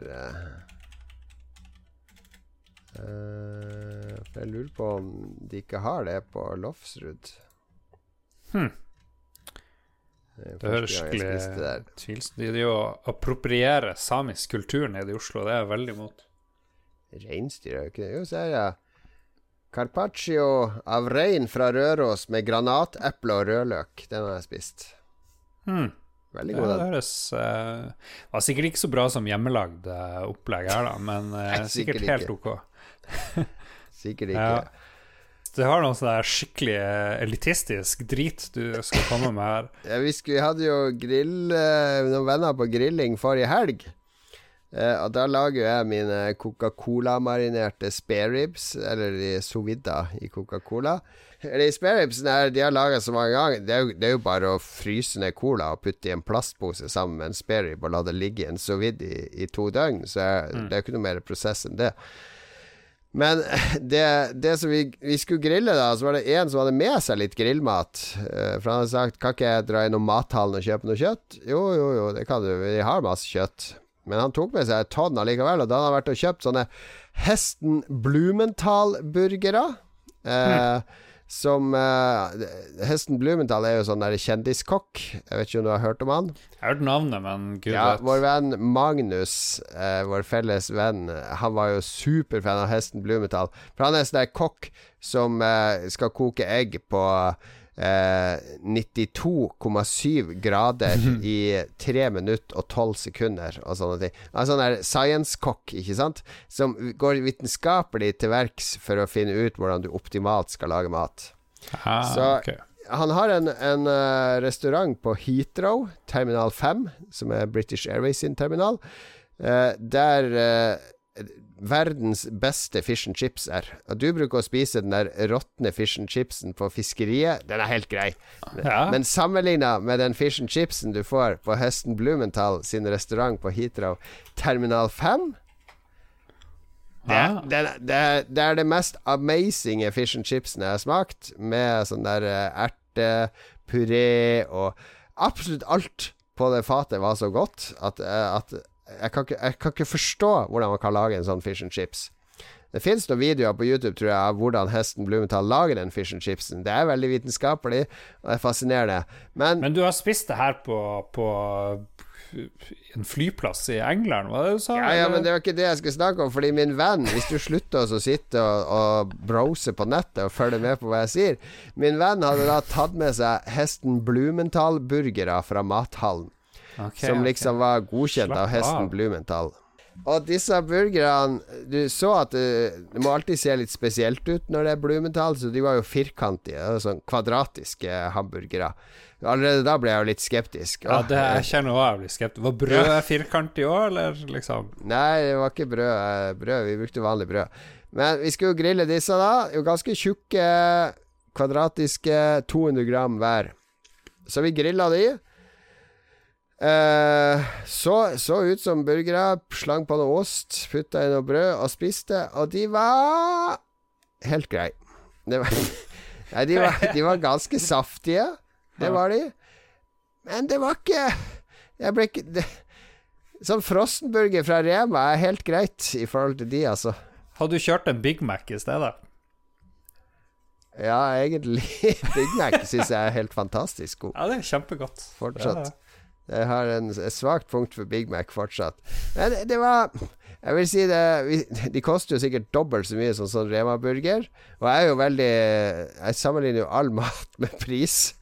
Så når vi drar og spiser på Var på Omakese i Oslo, snakka jeg om. Sånn fancy sushi. Det koster 2000 per mann å spise ja. der. Heter det omakese eller om, om, eh, omakase, som det står? Omakase, tror jeg. Ok, ja. Ja. Kese er jo ost på tysk, tror jeg. Noe sånt. Ja, det er derfor vi tulla med at det het omakese, for det Oma er bestemor, så det er bestemorost. Men jeg tror, så jeg tror det var Det er litt omakase. morsomt. Ja. Men ikke sant, det koster 2000 å spise 20 sushibiter der. Det kan jeg få for 200 på eh, en vanlig sushirestaurant. Så da, i mitt hode da, så må jo de på omakase være ti ganger bedre Ja, enn de ja. 200. Det er og din hjerne. Nei, det er det din- ikke. De er, de er kanskje Ja. to, to og en halv ganger bedre. Ja, men det er jo bare i din hjerne at prisen skal ganges med kvalitet på smaken, liksom. Det, du har lokasjon, du har Hvis du betaler 3000 for en pizza, Mm. så den bør jo da smake ti ganger minst bedre enn en pizza på Girotondo eller Lofsrud, eller den der Ikke du hvis du spiser den på toppen av Mount Everest, ikke sant, eller noen sånne helt syke greier hvor det er helt vilt. Hvor det er koster det mye mer å lage en restaurant. på toppen av Mount Everest. Ja, nettopp. Det koster jo mye mer. Infrastrukturen for liksom Kanskje lokalet er veldig fint. Jeg vet ikke. Det er jo Du kan ikke bare gange prisen med hva det koster på McDonald's og satse på at det skal være fem eller syv ganger så bra pga. prisen, liksom. Det går jo ikke. Det skjønner jo alle, Jon Cato. Ja, jeg skjønner ikke det.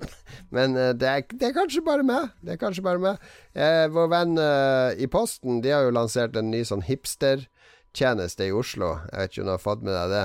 Nei. Der kan man gå inn på Posten sin hipstertjeneste, og så kan du bestille sånn kaffe fra Vendelbos og spareribs fra Annis pølsemakeri, er brød sånn fra åpen Oslo-tilbud. Det her funker neppe i Ja, ja. Harstad. Og du får det levert gratis på døra samme dag What? av Posten. Ja. I Oslo, sånn- i Ring 3. Det, det, hva, ja, ja, vi prøvde, vi. Men der kan du også bestille sånn russisk kaviar, og det er sånn to, 2000 kroner for 50 gram. Vanlig kaviar koster 50 kroner for en tube på 200 gram. Det her er altså 8000 kroner for 200 gram. Jeg tror ikke at det smaker 300 ganger 200 ganger bedre. Men liker du kaviar? Jeg har aldri likt kaviar. Ja, jeg liker sånn der kaviar. russisk kaviar og sånn. Det er helt topp. Nei, ma altså du må jo kjøre rista brød, mayo på bunn, så et hardkokt egg i skive oppå der, og så kaviar oppå der igjen, og så salt. Det er magisk. Det er en magisk kombo. Vet du hva, du skal få lov å lage det til meg en gang hvis du har lyst. Det skal jeg lage med glede. Lage til deg og servere på sølvfat til deg, min venn.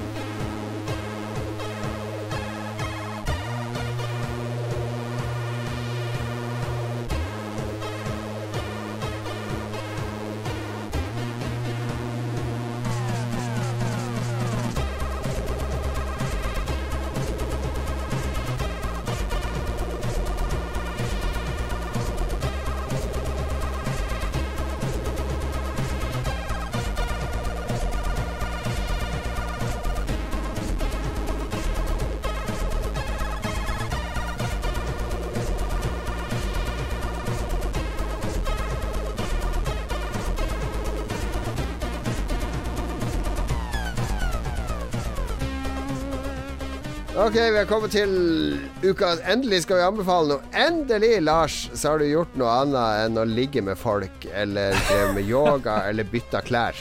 Endelig har noe du galt å ligge med folk. Nei, nei, nei, altså, det har vært anbefalt i Lolbua før. Jeg tror Philip Ja. anbefalte sex første Ja. gang. Jeg så det dukka opp på Apple TV. Så dukka det opp noe som het Condor. En TV-serie. Jeg skjønte ikke helt hvor den kom fra, eller hva det var. Men så kom jeg på filmen 'Three Days of the Condor', eller 'Tre dager for kondor', som det var oversatt til på nynorsk på NRK. Yeah. En 1975-film eh, regissert av fantastiske Sidney Pollack. Eh, og der er Robert Redford med, Faye Dunaway og Max von Sydow. Helt, eh, helt magisk film, basert på en bok som kom ut året før, eh, skrevet av James Grady. Og det viste seg at denne nye, nye TV-serien Condor, eh, som fins på SF Anytime og Nei, Viaplay sa jeg på den. Viaplay, tror jeg så den. Uh, Three Days of the Condor-filmen kan du se på SF Anyplay Anytime, et eller annet, og iTunes. Eh, likte ikke så godt den her TV-serien, var helt OK. Um, utgangspunktet er det samme for film og TV-serie. Det er en CIA-agent som driver research ting. Eh, I filmversjonen, som er absolutt mye bedre. Robert Redford kommer inn på jobb en dag. Absolutt alle er døde. Absolutt alle er døde. Ingen vet at han er CIA-agent. Eh, myndighetene tror at han har stått bak noe, han må dra på rømmen. Og, og ting er veldig skummelt. Ting er veldig spennende. Ting er superparanoid. Det er veldig sånn her eh, kald krig-feeling. Ikke sant? I dag så er vi vant til at Jason Bourne, noen er ute etter han, Mission Impossible, folk er ute etter han. Jeg tror folk solte mer på myndighetene på 70-tallet og 80-tallet og sånt, og at paranoia og at staten var ute etter deg, det var en mye større ting enn det det er i dag. I dag så tenker alle at ja, ja, ingen soler på regjeringa uansett. Ting var helt annerledes før. Og det føles òg i denne filmen 'Three Days of the Condor'. Det å havne utafor det storfellesskapet er en mye verre ting da enn det er det i dag, hvor det liksom er litt kult å være rogue og, og sånne ting. Og det er En god, god tolking. God tolking. Ja, takk, takk. Og det, det anbefaler på det sterkeste å se denne filmen da, fra 75, hvor, hvor stilen er jo helt syk. Folk går i dongeribukse, og i stedet for moderne datasystemer som liksom drive og hacke, du må være litt sånn freaker eh, når du skal koble om telefonlinje. Og jeg, jeg elsker den perioden der da, film. Det er jo min favorittperiode. 70- og 80-tallet er jo helt magisk for meg. Jeg får jo gåsehud bare jeg tenker på det. Og, Ja. Robert Jeg Redford er fantastisk, og mye bra Han skuespill. var kjekk mann. Kjekk mann, han Robert Redford. Ja, Men det, jeg har sett den filmen. Jeg likte den veldig godt. Og. Du vet jo at jeg elsker jo disse gamle filmene. Og nå kjenner du litt på den der uh, amenien, eller anemien, eller hva det heter. Den der lengselen etter Ja, det er kult å være voksen på 70-tallet og, og leve Ja, ja, i disse beskrivelsene. Absolutt. Min største drøm er å jobbe i Washington Post på 70-tallet, der hvor de avslørte Watergate-skandalen. Ja, ja, ja, ja. Bob Woodward og Ja. Howard Bernstein, det er jo òg Robert Redford. Også en film folk må se. 'Alle presidentenes menn', eller hva den heter. alle presidentenes menn. Jeg syns det er litt rart eh, egentlig med Three Days of eh, the Condor at boka den er basert på, heter Six Days of the Condor. Ja. Ja, det er litt rart. De kutta det ned til filmen. Ti still, Siri. Slutt, Siri! Åh. Bli gal Siri, altså. Jeg får ikke Siri til å reagere uansett hvor mye jeg prater til henne, men du, hun våkner opp hele tida hos deg. Ja, hun, hun vet hvem som er autoritet og ikke. Ok, nei, men kjempehyggelig at du ser litt sånne gamle filmer, Lars. Uh, yeah, jeg så faktisk en gammel film Jeg har sett flere gamle filmer i det siste, men det er ikke det jeg skal snakke om nå. Får jeg lov å anbefale to ting? Uh, ja Det er så lenge siden jeg har anbefalt. Ja. Det første jeg vil anbefale, nemlig, er noe jeg gjorde på søndag. Eh, det har jo vært så utrolig varmt her i Oslo hele tida. Altså, jeg er ikke så glad i å dra og bade i Oslo. Jeg bader mye på Vestlandet når vi er der, for da har vi liksom, kan vi bade ut, ut av eh, stuedøra på hytta, så bare hoppe i vannet og bade, og så inn og dusje og varme meg. Ja, jeg, det ble jo teasa, den her uh, anbefalinga di, med verdens lengste video. Man skjønte ingenting. Man fikk se en bil rygge, eller komme kjøre inn, og så bruke Ja. veldig lang tid på å rygge inn i en Ja, bygge parkeringsplass. opp, bygge opp forventninger, forventninger, ikke sant? Og så bare innfrir det totalt. Jeg må ikke røpe hva som skjer da, fordi Nei, nei. Men eh, altså når vi skal dra på stranda i Oslo, så blir det jo ofte sånn at da må vi ha med stoler og ditt og datt og mat, og så må vi bli der så lenge. Jeg vil jo bare dra ned, bade og så dra hjem, eh, til min kones store fortvilelse. Men eh, så har det blitt sånn at det er så varmt, og så kan vi av og til så kan vi dra og ta en sånn kveldsbad eller ettermiddagsbad for å kjøle oss ned. Eh, og så tenkte jeg ok, jeg kan bli med på det. Det høres bra ut. Og så når vi har med ungene, så blir det jo sånn at vi bader, og så skal vi ikke være der så lenge, så når vi skal dra, så er de jo våte. Så vi bruker å ha med morgenkåpe til ungene da, så de kan ta på seg når de sitter i bilen, så ikke bilsetene skal bli helt søkkvåte av saltvannet. Og så sa hun ja, hun husker morgenkåpe og sånn. Så ja, ja, ja. Så går jeg og tar på meg min morgenkåpe, da. Og så sier jeg vet, jeg mente jo til barna, da. Så bare «Eh, Ja, men jeg, nå, nå er jeg i badebuksa. Jeg orker jo ikke å skifte på stranda heller. Det er jo det verste som fins, å stå med sånn håndduk Ja, er- rundt seg. Jeg drar ned uten skift. Jeg skal bare ha badebuksa, for da kan jeg bare gå i bilen etterpå med våt badebukse og sitte i slåbroken ikke sant, og tørke mens jeg kjører hjem. Så jeg kjører på stranda i slåbroken, rett og slett. Og det var det den videoen du fikk se. Jeg sendte kona ut, nå må du filme. Eh, Her vil, her vil uh, Lolbua-redaksjonen like. Filma, jeg så rygger inn, og så stiger jeg ut av bilen i min uh, gullfarga slåbrok. Det er en Star Trek-slåbrok, faktisk. Uh, Hugh Hefner har ankommet stranda, skrittet målbevisst bortover mot stranda for å ta et bad. Det så litt sjef ut å ankomme badestranda i slåbrok. Ja, det var veldig Hugh Hefner. Jeg fikk sånn 'Hvor er alle damene?' rundt eh, armene dine, osv.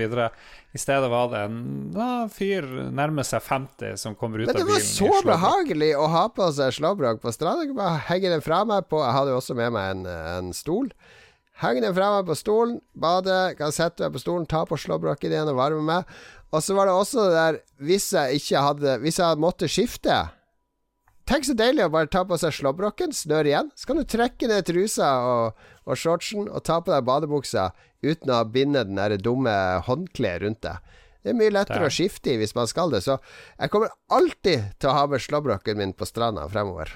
Men hvordan funker Er det, er det Teslaen du kjører i, eller hva er det? Ja, det var Tesla jeg kjørte ned dit, ja.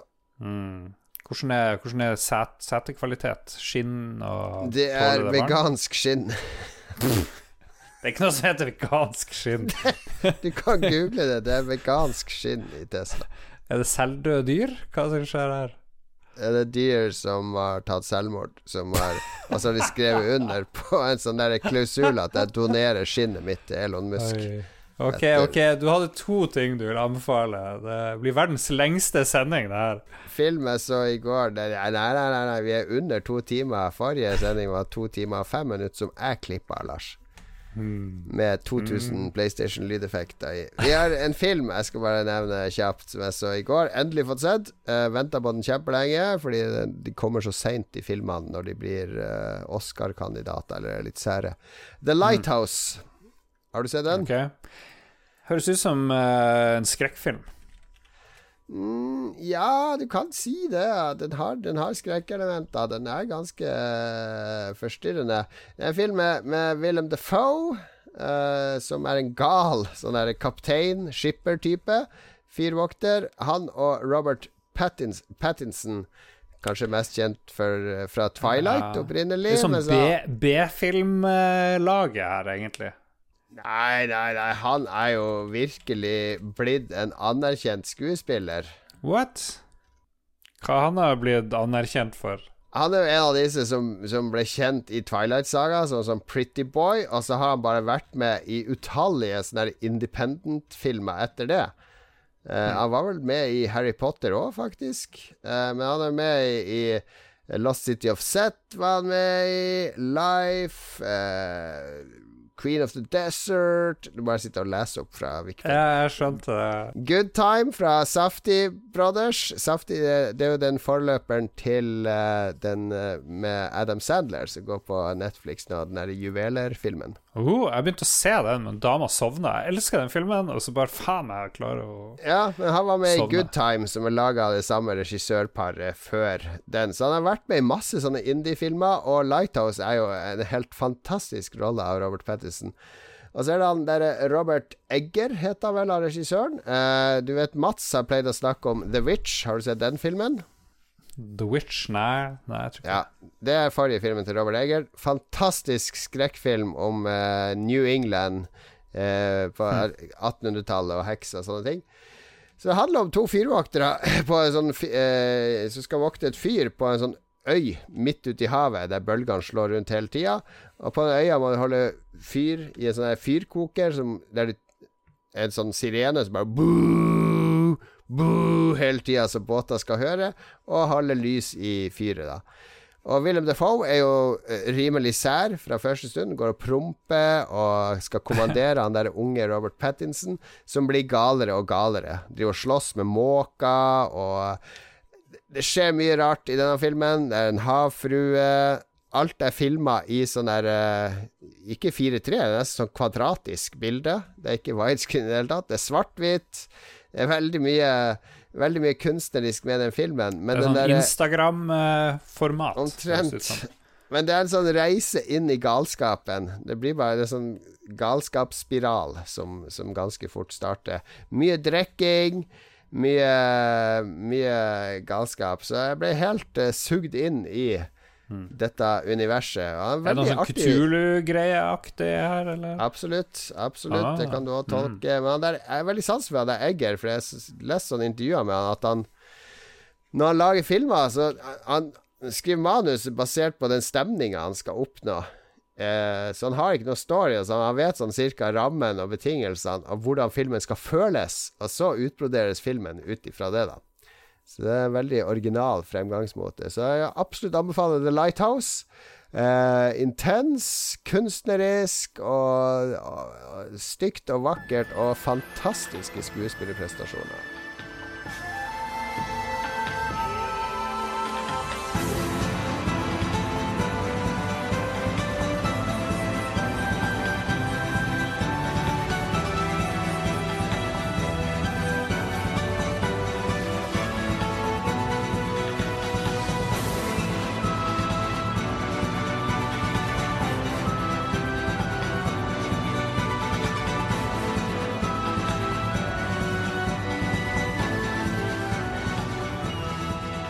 Lytterne er med oss, både live og ellers. Eh, først kjører vi på noe bidrag vi har fått underveis her.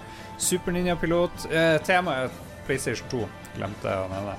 Eh, Super Ninja-pilot, spørsmål Han sier at han kjøpte SSX en gang tidlig i 2001, mind blown, og han lurer på hva var vårt våres første spill til PlayStation 2. Og jeg drev og googla hva er liksom de mest De storselgerne på PlayStation 2, da. Jeg ser at Grand Theft Auto San Andreas eh, solgte 17,3 millioner utgaver. Det er jo Det er tydeligvis er nummer én. Det er det. Så er det mye Grand Turismo. Solgt dritmye. Uh, Vice City. Jeg tror kanskje Vice City var min sånn favoritt PlayStation 2-spill. Men han spurte om hva det første var, og det er jo helt umulig. Jeg vet ikke hva De var første mine var vel SSX, husker jeg, og det var ikke noen andre jeg spilte noe særlig der, egentlig. Final Fantasy 10 var jo en stor favoritt. Uh, ja Jack og Daxter kom jo. iToy Play, var det der det kom først, de der eh, Det var ikke så mye peripherals til PlayStation 1, var det? PlayStation 2 tok det jo helt av med Guitar Hero. 1 eh, Jo, det var noe på, Det var jo flightstick og sånn på PlayStation 1 som nesten aldri Mm. ble brukt. Men på PlayStation 2 så kom jo SingStar med mikrofoner, Guitar Hero kom Mm. med gitar, så det er jo ganske mye peripherals i den. iToy-kamera osv. Ja. Jeg tenker at PlayStation 2 var, var jo en sinnssyk maskin. Det kom jo så mye spill. Men ok, jeg er sikker på at SSX, eller noen av de launch-spillene, var vel det første jeg fikk. Hvor lett var det å piratkopiere på PlayStation 2? Det var ganske vanskelig. De hadde lært det av PlayStation 1, så det var langt vanskeligere å gjøre det på PlayStation 2, ja. Men det er jo mange Det er jo konspirasjonsteorier om det, da. At de Det var jo så dødsenkelt å, å chippe PlayStation 1, og kanskje har de gjort det med vilje, bare for å bygge At flest mulig skal kjøpe og bli vant til maskinvaren, og så gjør vi det vanskelig. Akkurat samme som de mistenker at Microsoft har gjort med Office, som alle piratkopierte på 80- og 90-tallet, og så ble det plutselig umulig å bruke det uten lisenser. Da hadde alle vent seg til å bruke det, så da hadde ikke firmaene noe valg. Vi må bare kjøpe det. Ja. Skal vi se, eh, Supernypilot i chatten sier han eh, Journalisten i deg skannet bare spørsmålet han helt rett i. Han spurte hva var det siste dere spilte på maskin? Det siste vi spilte? Hva var liksom de store siste spillene? Holy shit. Ace Combat var en stor serie på PlayStation 2, så der var jeg jo veldig med, altså. Mm. Det siste jeg spilte, var Yakuza 2, kanskje.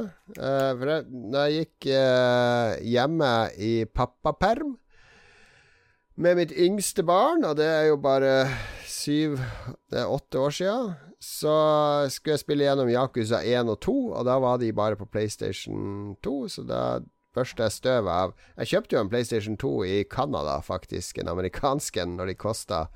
Jeg fikk den for 79 dollar, eller noe sånt. Altså, og, og da var dollarkursen så lav. Jeg tror jeg betalte 600 kroner for en helt ny slim PlayStation 2, bare for å spille alle NTC-spillene jeg hadde. Ja. Uh, Steffens nevner PS2 Sledstorm. Middels, men fascinerende spill. Sikkert fordi han har vokst opp med snescooter. Ja, og dette er Apropos Finnmark og sånn som du er så glad i. Jeg husker Var det Sledstorm? Det var kanskje det? Tror det var Hvis det er sånn snøscooterspill. Ja. Husker når det kom? Jobba på Akersmik. Kom det i hvert fall to-tre telefoner i uka. Har dere det der eh, Sledstorm til PlayStation 2? Kan du sende det opp til oss i Karasjok eller Alta, eller Det var så mye finnmarkinger som skulle ha det der uh, Ja, snøscooterspillet. Jeg det truffet en enorm nerve der oppe. Et ganske smal target group å ha. Folk som elsker snøscooter, som bor nord for polarsirkelen. Men jeg, jeg sendte ganske mange av det spillet opp til eh, Finnmark. Sansidar lurer på Han bare hopper. Vi tar en kjapp uh, tur innom PlayStation 5. Uh, Adaptive Triggers-opplegget til DualSense-kontrolleren til PlayStation 5. Jeg vet ikke om den heter DualSense lenger. TripleSense, Jeg vet ikke helt hva den heter. Adaptive Triggers det er vel noe sånn Men jeg snakka om det til Xbox One X, at det skal være noe sånn motstand i triggerne og sånt. Det er ingen som bryr seg. Det er ingen som bryr seg. Det blir ikke så bra som du tror det blir. Det er min spådom. Ja, jeg har ikke noe å legge til der. Bare la meg, la meg skyte folk i fjeset, så jeg er fornøyd. Det de burde ha på kontrolleren, er eh, når du skyter, altså hvis du treffer, så er det sånn blodposer på fronten av kontrollen. Så spruter det blod opp i fjeset ditt hvis du står Ja. for nært dem. Adrian Haugen, som jeg var gjest hos i Spill-podkasten. Har du vært eh, gjest der, eh, Jon Cato? Nei, det har ikke jeg sett. eh, Nei, nei, nei. Der har Philip vært, eh, Mats har vært, jeg har vært. eh, Ja. Du har ikke Det vært. blir jo Altså, jeg liker ikke å hoppe etter Eddie the Eagle, så det er bedre at jeg hopper først, og så kommer dere. Ja. Skal vi se, Han er nå programleder der, i hvert fall. Vi snakker mye om Amiga 500, så jeg anbefaler alle å høre den nyeste episoden av Spill. Han sier at det var mange som kjøpte PlayStation 2 bare fordi det var rimeligere enn en vanlig DVD-spiller, og det er jo et veldig godt poeng. Absolutt. Eh, André Vollan sier han solgte DVD-spilleren sin og kjøpte en PlayStation 2 for pengene. Det var smart. Eh, Bjørn Bjelland lurer på hvorfor ble det solgt så sykt mange PlayStation 2? Jeg bare overlater det rett til deg. hvorfor? Nei, fordi det var veldig veldig mange, mange bra spill til den. Altså Konkurrentene var jo Dreamcast, som døde veldig fort. Så at det var sånn Ok, det kjøper jeg i hvert fall ikke. Her kommer det ikke mer spill. Og så var det GameCube, som var Nintendo var litt for sære for å bli sånn superbredde mainstream da. Det var hardcore Nintendo-fansen kjøpte det. Men så var folk Ja, men hvor er Jeg vil ha sånn realistisk racingspill. Jeg vil ha Fifa. Eh, ja, da må du nok kjøpe en annen konsoll. Så PlayStation var eneste alternativet fram til Xbox kom. Uh, og Xbox var X Jeg klarer ikke å prate lenger. Xbox var jo sånn nykommer og laga av Microsoft, så det var jo en masse skepsis knytta til Xbox. Ja, ja, eh, alle hata jo Windows og, og Microsoft og microdollartegn ofte og, og sånne ting. Så, så de, de måtte jo virkelig bevise at de hørte hjemme i spillmarkedet.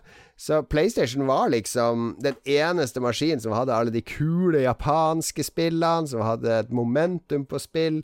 De hadde merkevaren, så alt lå jo til rette for at alle skulle spille PlayStation. Eh, og så ble det jo kom disse slim-maskinene, og så var det ganske billig òg, ikke sant. Som, som jeg, jeg har jo kjøpt tre eller fire PlayStation 2 opp igjennom. What? Oi, Jeg har hatt to. En amerikansk hadde jeg, og en europeisk. Og så kjøpte jeg en ny europeisk når Slim kom, og en ny amerikansk når Slim kom. Så Det var en god forklaring. Eh, Kristoffer Boys Getboys ikke god, så var det én forklaring.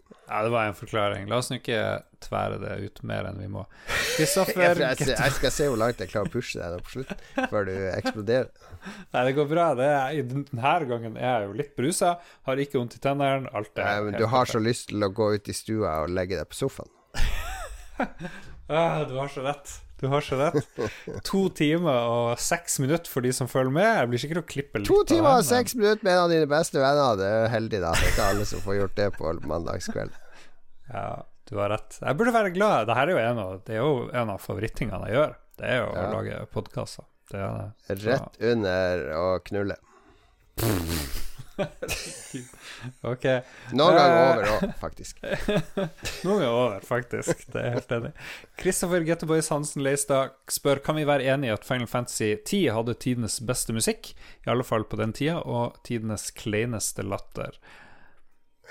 Jeg er jo enig i at det hadde mye bra musikk. Kanskje ikke tidenes beste musikk, men det er veldig mye bra ja musikk. jeg syns det er et av de mer pinlige Final Fantasy-spillene. Musikken var veldig god, men det der Blitzball, husker du det? Undervanns uh, Ja, ja. vannpoloen.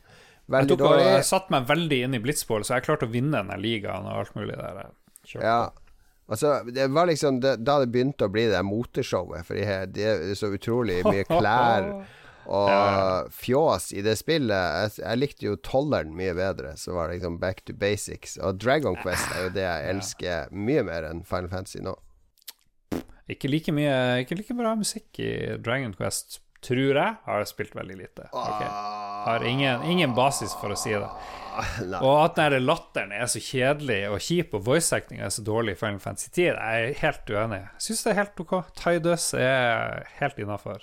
Tidus og Yuma og Ja, Ja, ja. Greit spill. Kjetil Frugård Alt før PlayStation 2 er spill fra gamle dager, mens de fleste PlayStation 2-spill fungerer like bra som i dag. Oi, oi, oi. Og hvis du da oppdaterer grafikk og framerate og sånn, eh, så vil det være som å spille på et PlayStation 5. Det her er Det syns jeg var heftig. Jeg liker provoseringa her, Er det hans postulat der? Ja, det er det. Ja Ja Eh, Jeg er jo helt uenig, men jeg vet ikke at jeg orker å gå inn i noe argumentasjon. Det, er- men det er jo Det kom jo masse Uncharted begynte jo å komme her på PlayStation 2 og Nei, nei, ditt og datt. Det er jo det samme vi spiller i dag. PlayStation 3, Lars. Ok, med små detaljer så er det jeg sier sant. Ja, hva hadde du? Ja, Jack and Daxter, det kom på PlayStation 2, så det begynte å muliggjøre sånne åpne verdener. GTA Vice City kom, GTA eh, 3 kom. Så mye av fundamentet ble lagt der, da. Men det var jo mange restriksjoner på hva du kunne gjøre. Men jo da, jeg er enig i at uh, spillene vi spiller i dag, er stort sett speilbilder. Uh, oppsminka sexdukker basert på de primitive sexdukkene de lagde til PlayStation 2. Det er fortsatt Herregud. samme funksjonalitet. Ok, spennende metafor her. Vi nærmer oss slutten. Takk Gud. Raymond Eikos Kaspersen, Max Payne på PlayStation 2 var the shit kongespill. Jeg tror jeg spilte Max Payne på PC, faktisk. Og jeg syns det var kult. Ja, Har du PC spilt på. PC, noe som ikke er 30 år gammelt? Det her er jo 20 år gammelt, da, så det er jo ish. Nærmer seg.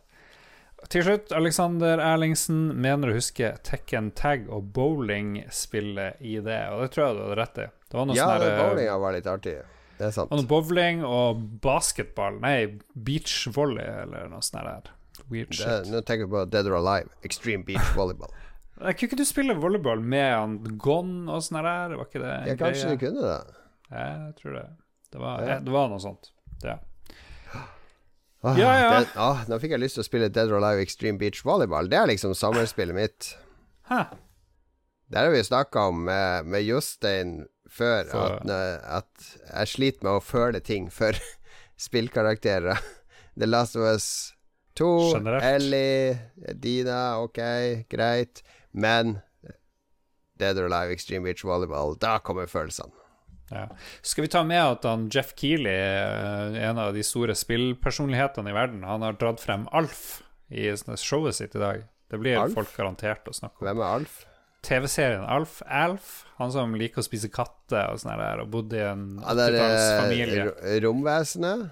Mm, romvesenet. Yes. Han pussa ikke tenner og likte å spise katter, tror jeg. Det var. Hva var det Jim Henson gjorde på denne tida? Han klarte å få inn disse dukkene i alt mulig? Ja, hvor er de blitt av i dag? Det lurer jeg på. Ja. Hvorfor finnes det ikke noen norsk TV-serie med en sånn dukke som en del av familien? Titten Tay var jo Ja, men hva er noe, ja, noe som går også for voksne, ikke bare for barn. Tror du Alf gikk for voksne? Jeg vet ikke. Det var jo en sitcom, det var jo ikke en barneserie. Nei, det var kanskje det. Mm, Det var en kul, kul introlåt på Alf. Det kan vi avslutte med, Lars. det kan vi gjøre. Hvordan var den? Kan du synge? Den er sånn di, di, di. Ah, ja, ja. Det var ultimat du. Ja, den er akkurat sånn. Det fins i masse chip-versjoner òg, så bare begynn å Google-search allerede. Og så snakkes vi om en uke, folkens, og da lover jeg det skal bli mer struktur. Jeg skal være mer uthvilt. Jeg er ganske sliten nå, skal innrømme det, men jeg skal prøve å hente meg inn. Se om jeg får hente meg inn til neste uke. Eh, Lars får avspasert litt og slappa av. Og, og får litt energi, han òg. Og så er det straks sommer, og vi har planlagt litt spesialepisoder i sommer. Det blir en Sidbua. Jeg lover at det ikke blir en sånn Sidbua som sist, der jeg slår ned min og din stemme. Det er det beste jeg har laga i mitt liv. Herregud, så folk det. hata den episoden. Jeg respekterer det. Det var liksom fuck you, alle sammen. Du skal aldri episoden. vite hva du får fra oss, herregud. Vi skal ikke bare følge popular opinion. Det er det, det er andre podkaster som gjør. Vi Ja. Mm. går mot strømmen, saltstrømmen, rettere sagt. Men vi er tilbake om en uke. Da tenker jeg Mats også, kanskje, med han på vei tilbake fra Ja, jeg tror sjøen. det. Ja, jeg tror han kommer nå på onsdag, eller noe sånt. Det blir herlig å få Da får vi endelig noen som er litt blid og opplagt med oss i sendinga. Eh, vi skal fortsette vår konsollnedtelling. Ikke sikkert at vi begynner på Xbox før etter sommeren. Vi får se. Vi har fortsatt masse tid før de nye konsollene kommer. Vi må takke våre produsenter. Lars. TTM-eksempel, Kobrekar84, Anne Beth og Rolf Helge Øvergaard Ingebrigtsen, tusen takk. Hvis dere har lyst til å støtte på- oss, så gå på patrion.com slash lolbua, og der kommer det snart options for å støtte Ragequit, Spillrevyen og Lolbua separat, tror jeg. Ja, for nå er vi blitt et stort konglomerat, et kaos av eh, stemmer og podkaster. Vi lager Spillrevyen med og Lars. Spillnyheter hver eneste uke. Det kan du abonnere på i egen feed. Eller Ragequit, som er en helt ny sidepodkast i Lolbua, med tre søringer som sitter og revner, stort sett. Ja, de snakker veldig mye om revning. Fniser veldig mye! Har du hørt den siste episoden? Herregud. Nei, jeg, jeg, jeg hører ikke på noe vi lager. Nei, nei. Det vi fremstår jo som sånn deikmannske eh, Deichmanske biblioteksamling i forhold til dem. Hvis du syns det her blir for seriøst, så har vi Vi har, vi har noe for det. Bare gå ned gangen der, og så bank på der det står 'Ragequit' ja. på eget ansvar. Eh, nei, så er vi tilbake om en uke. Hver uke får du nye podkaster fra oss. Vi koser oss stort sett med å lage de til deg. Er du swapper på vår Patrion, så har jeg faktisk bestilt swappergaver for sommeren. Så du bør få noe i posten i løpet av juli. Bare gled deg. Lars og de vet ikke hva jeg har bestilt, så det blir en overraskelse for de òg. Så ja, det var det. Uh, håper vi ses igjen snart. Håper du tilgir oss for denne, dette makkverket av en episode og vårt dårlige humør og vår krangling, men du vet vi er litt som et ektepar. Noen ganger så har vi våre diskusjoner, og noen ganger så er vi bestevenner. ja. Så, så lenge vi kysser hverandre god natt uh, før vi sovner, så er alt bra.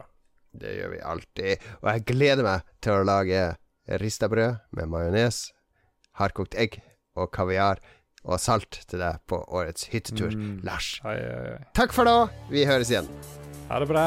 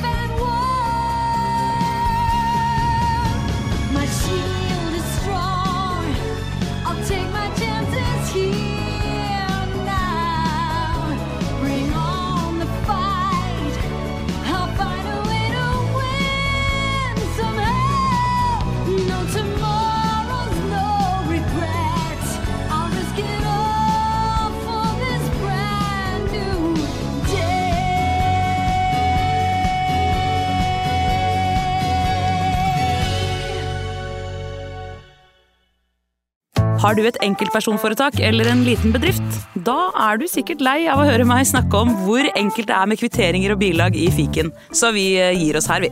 Fordi vi liker enkelt. Fiken superenkelt regnskap.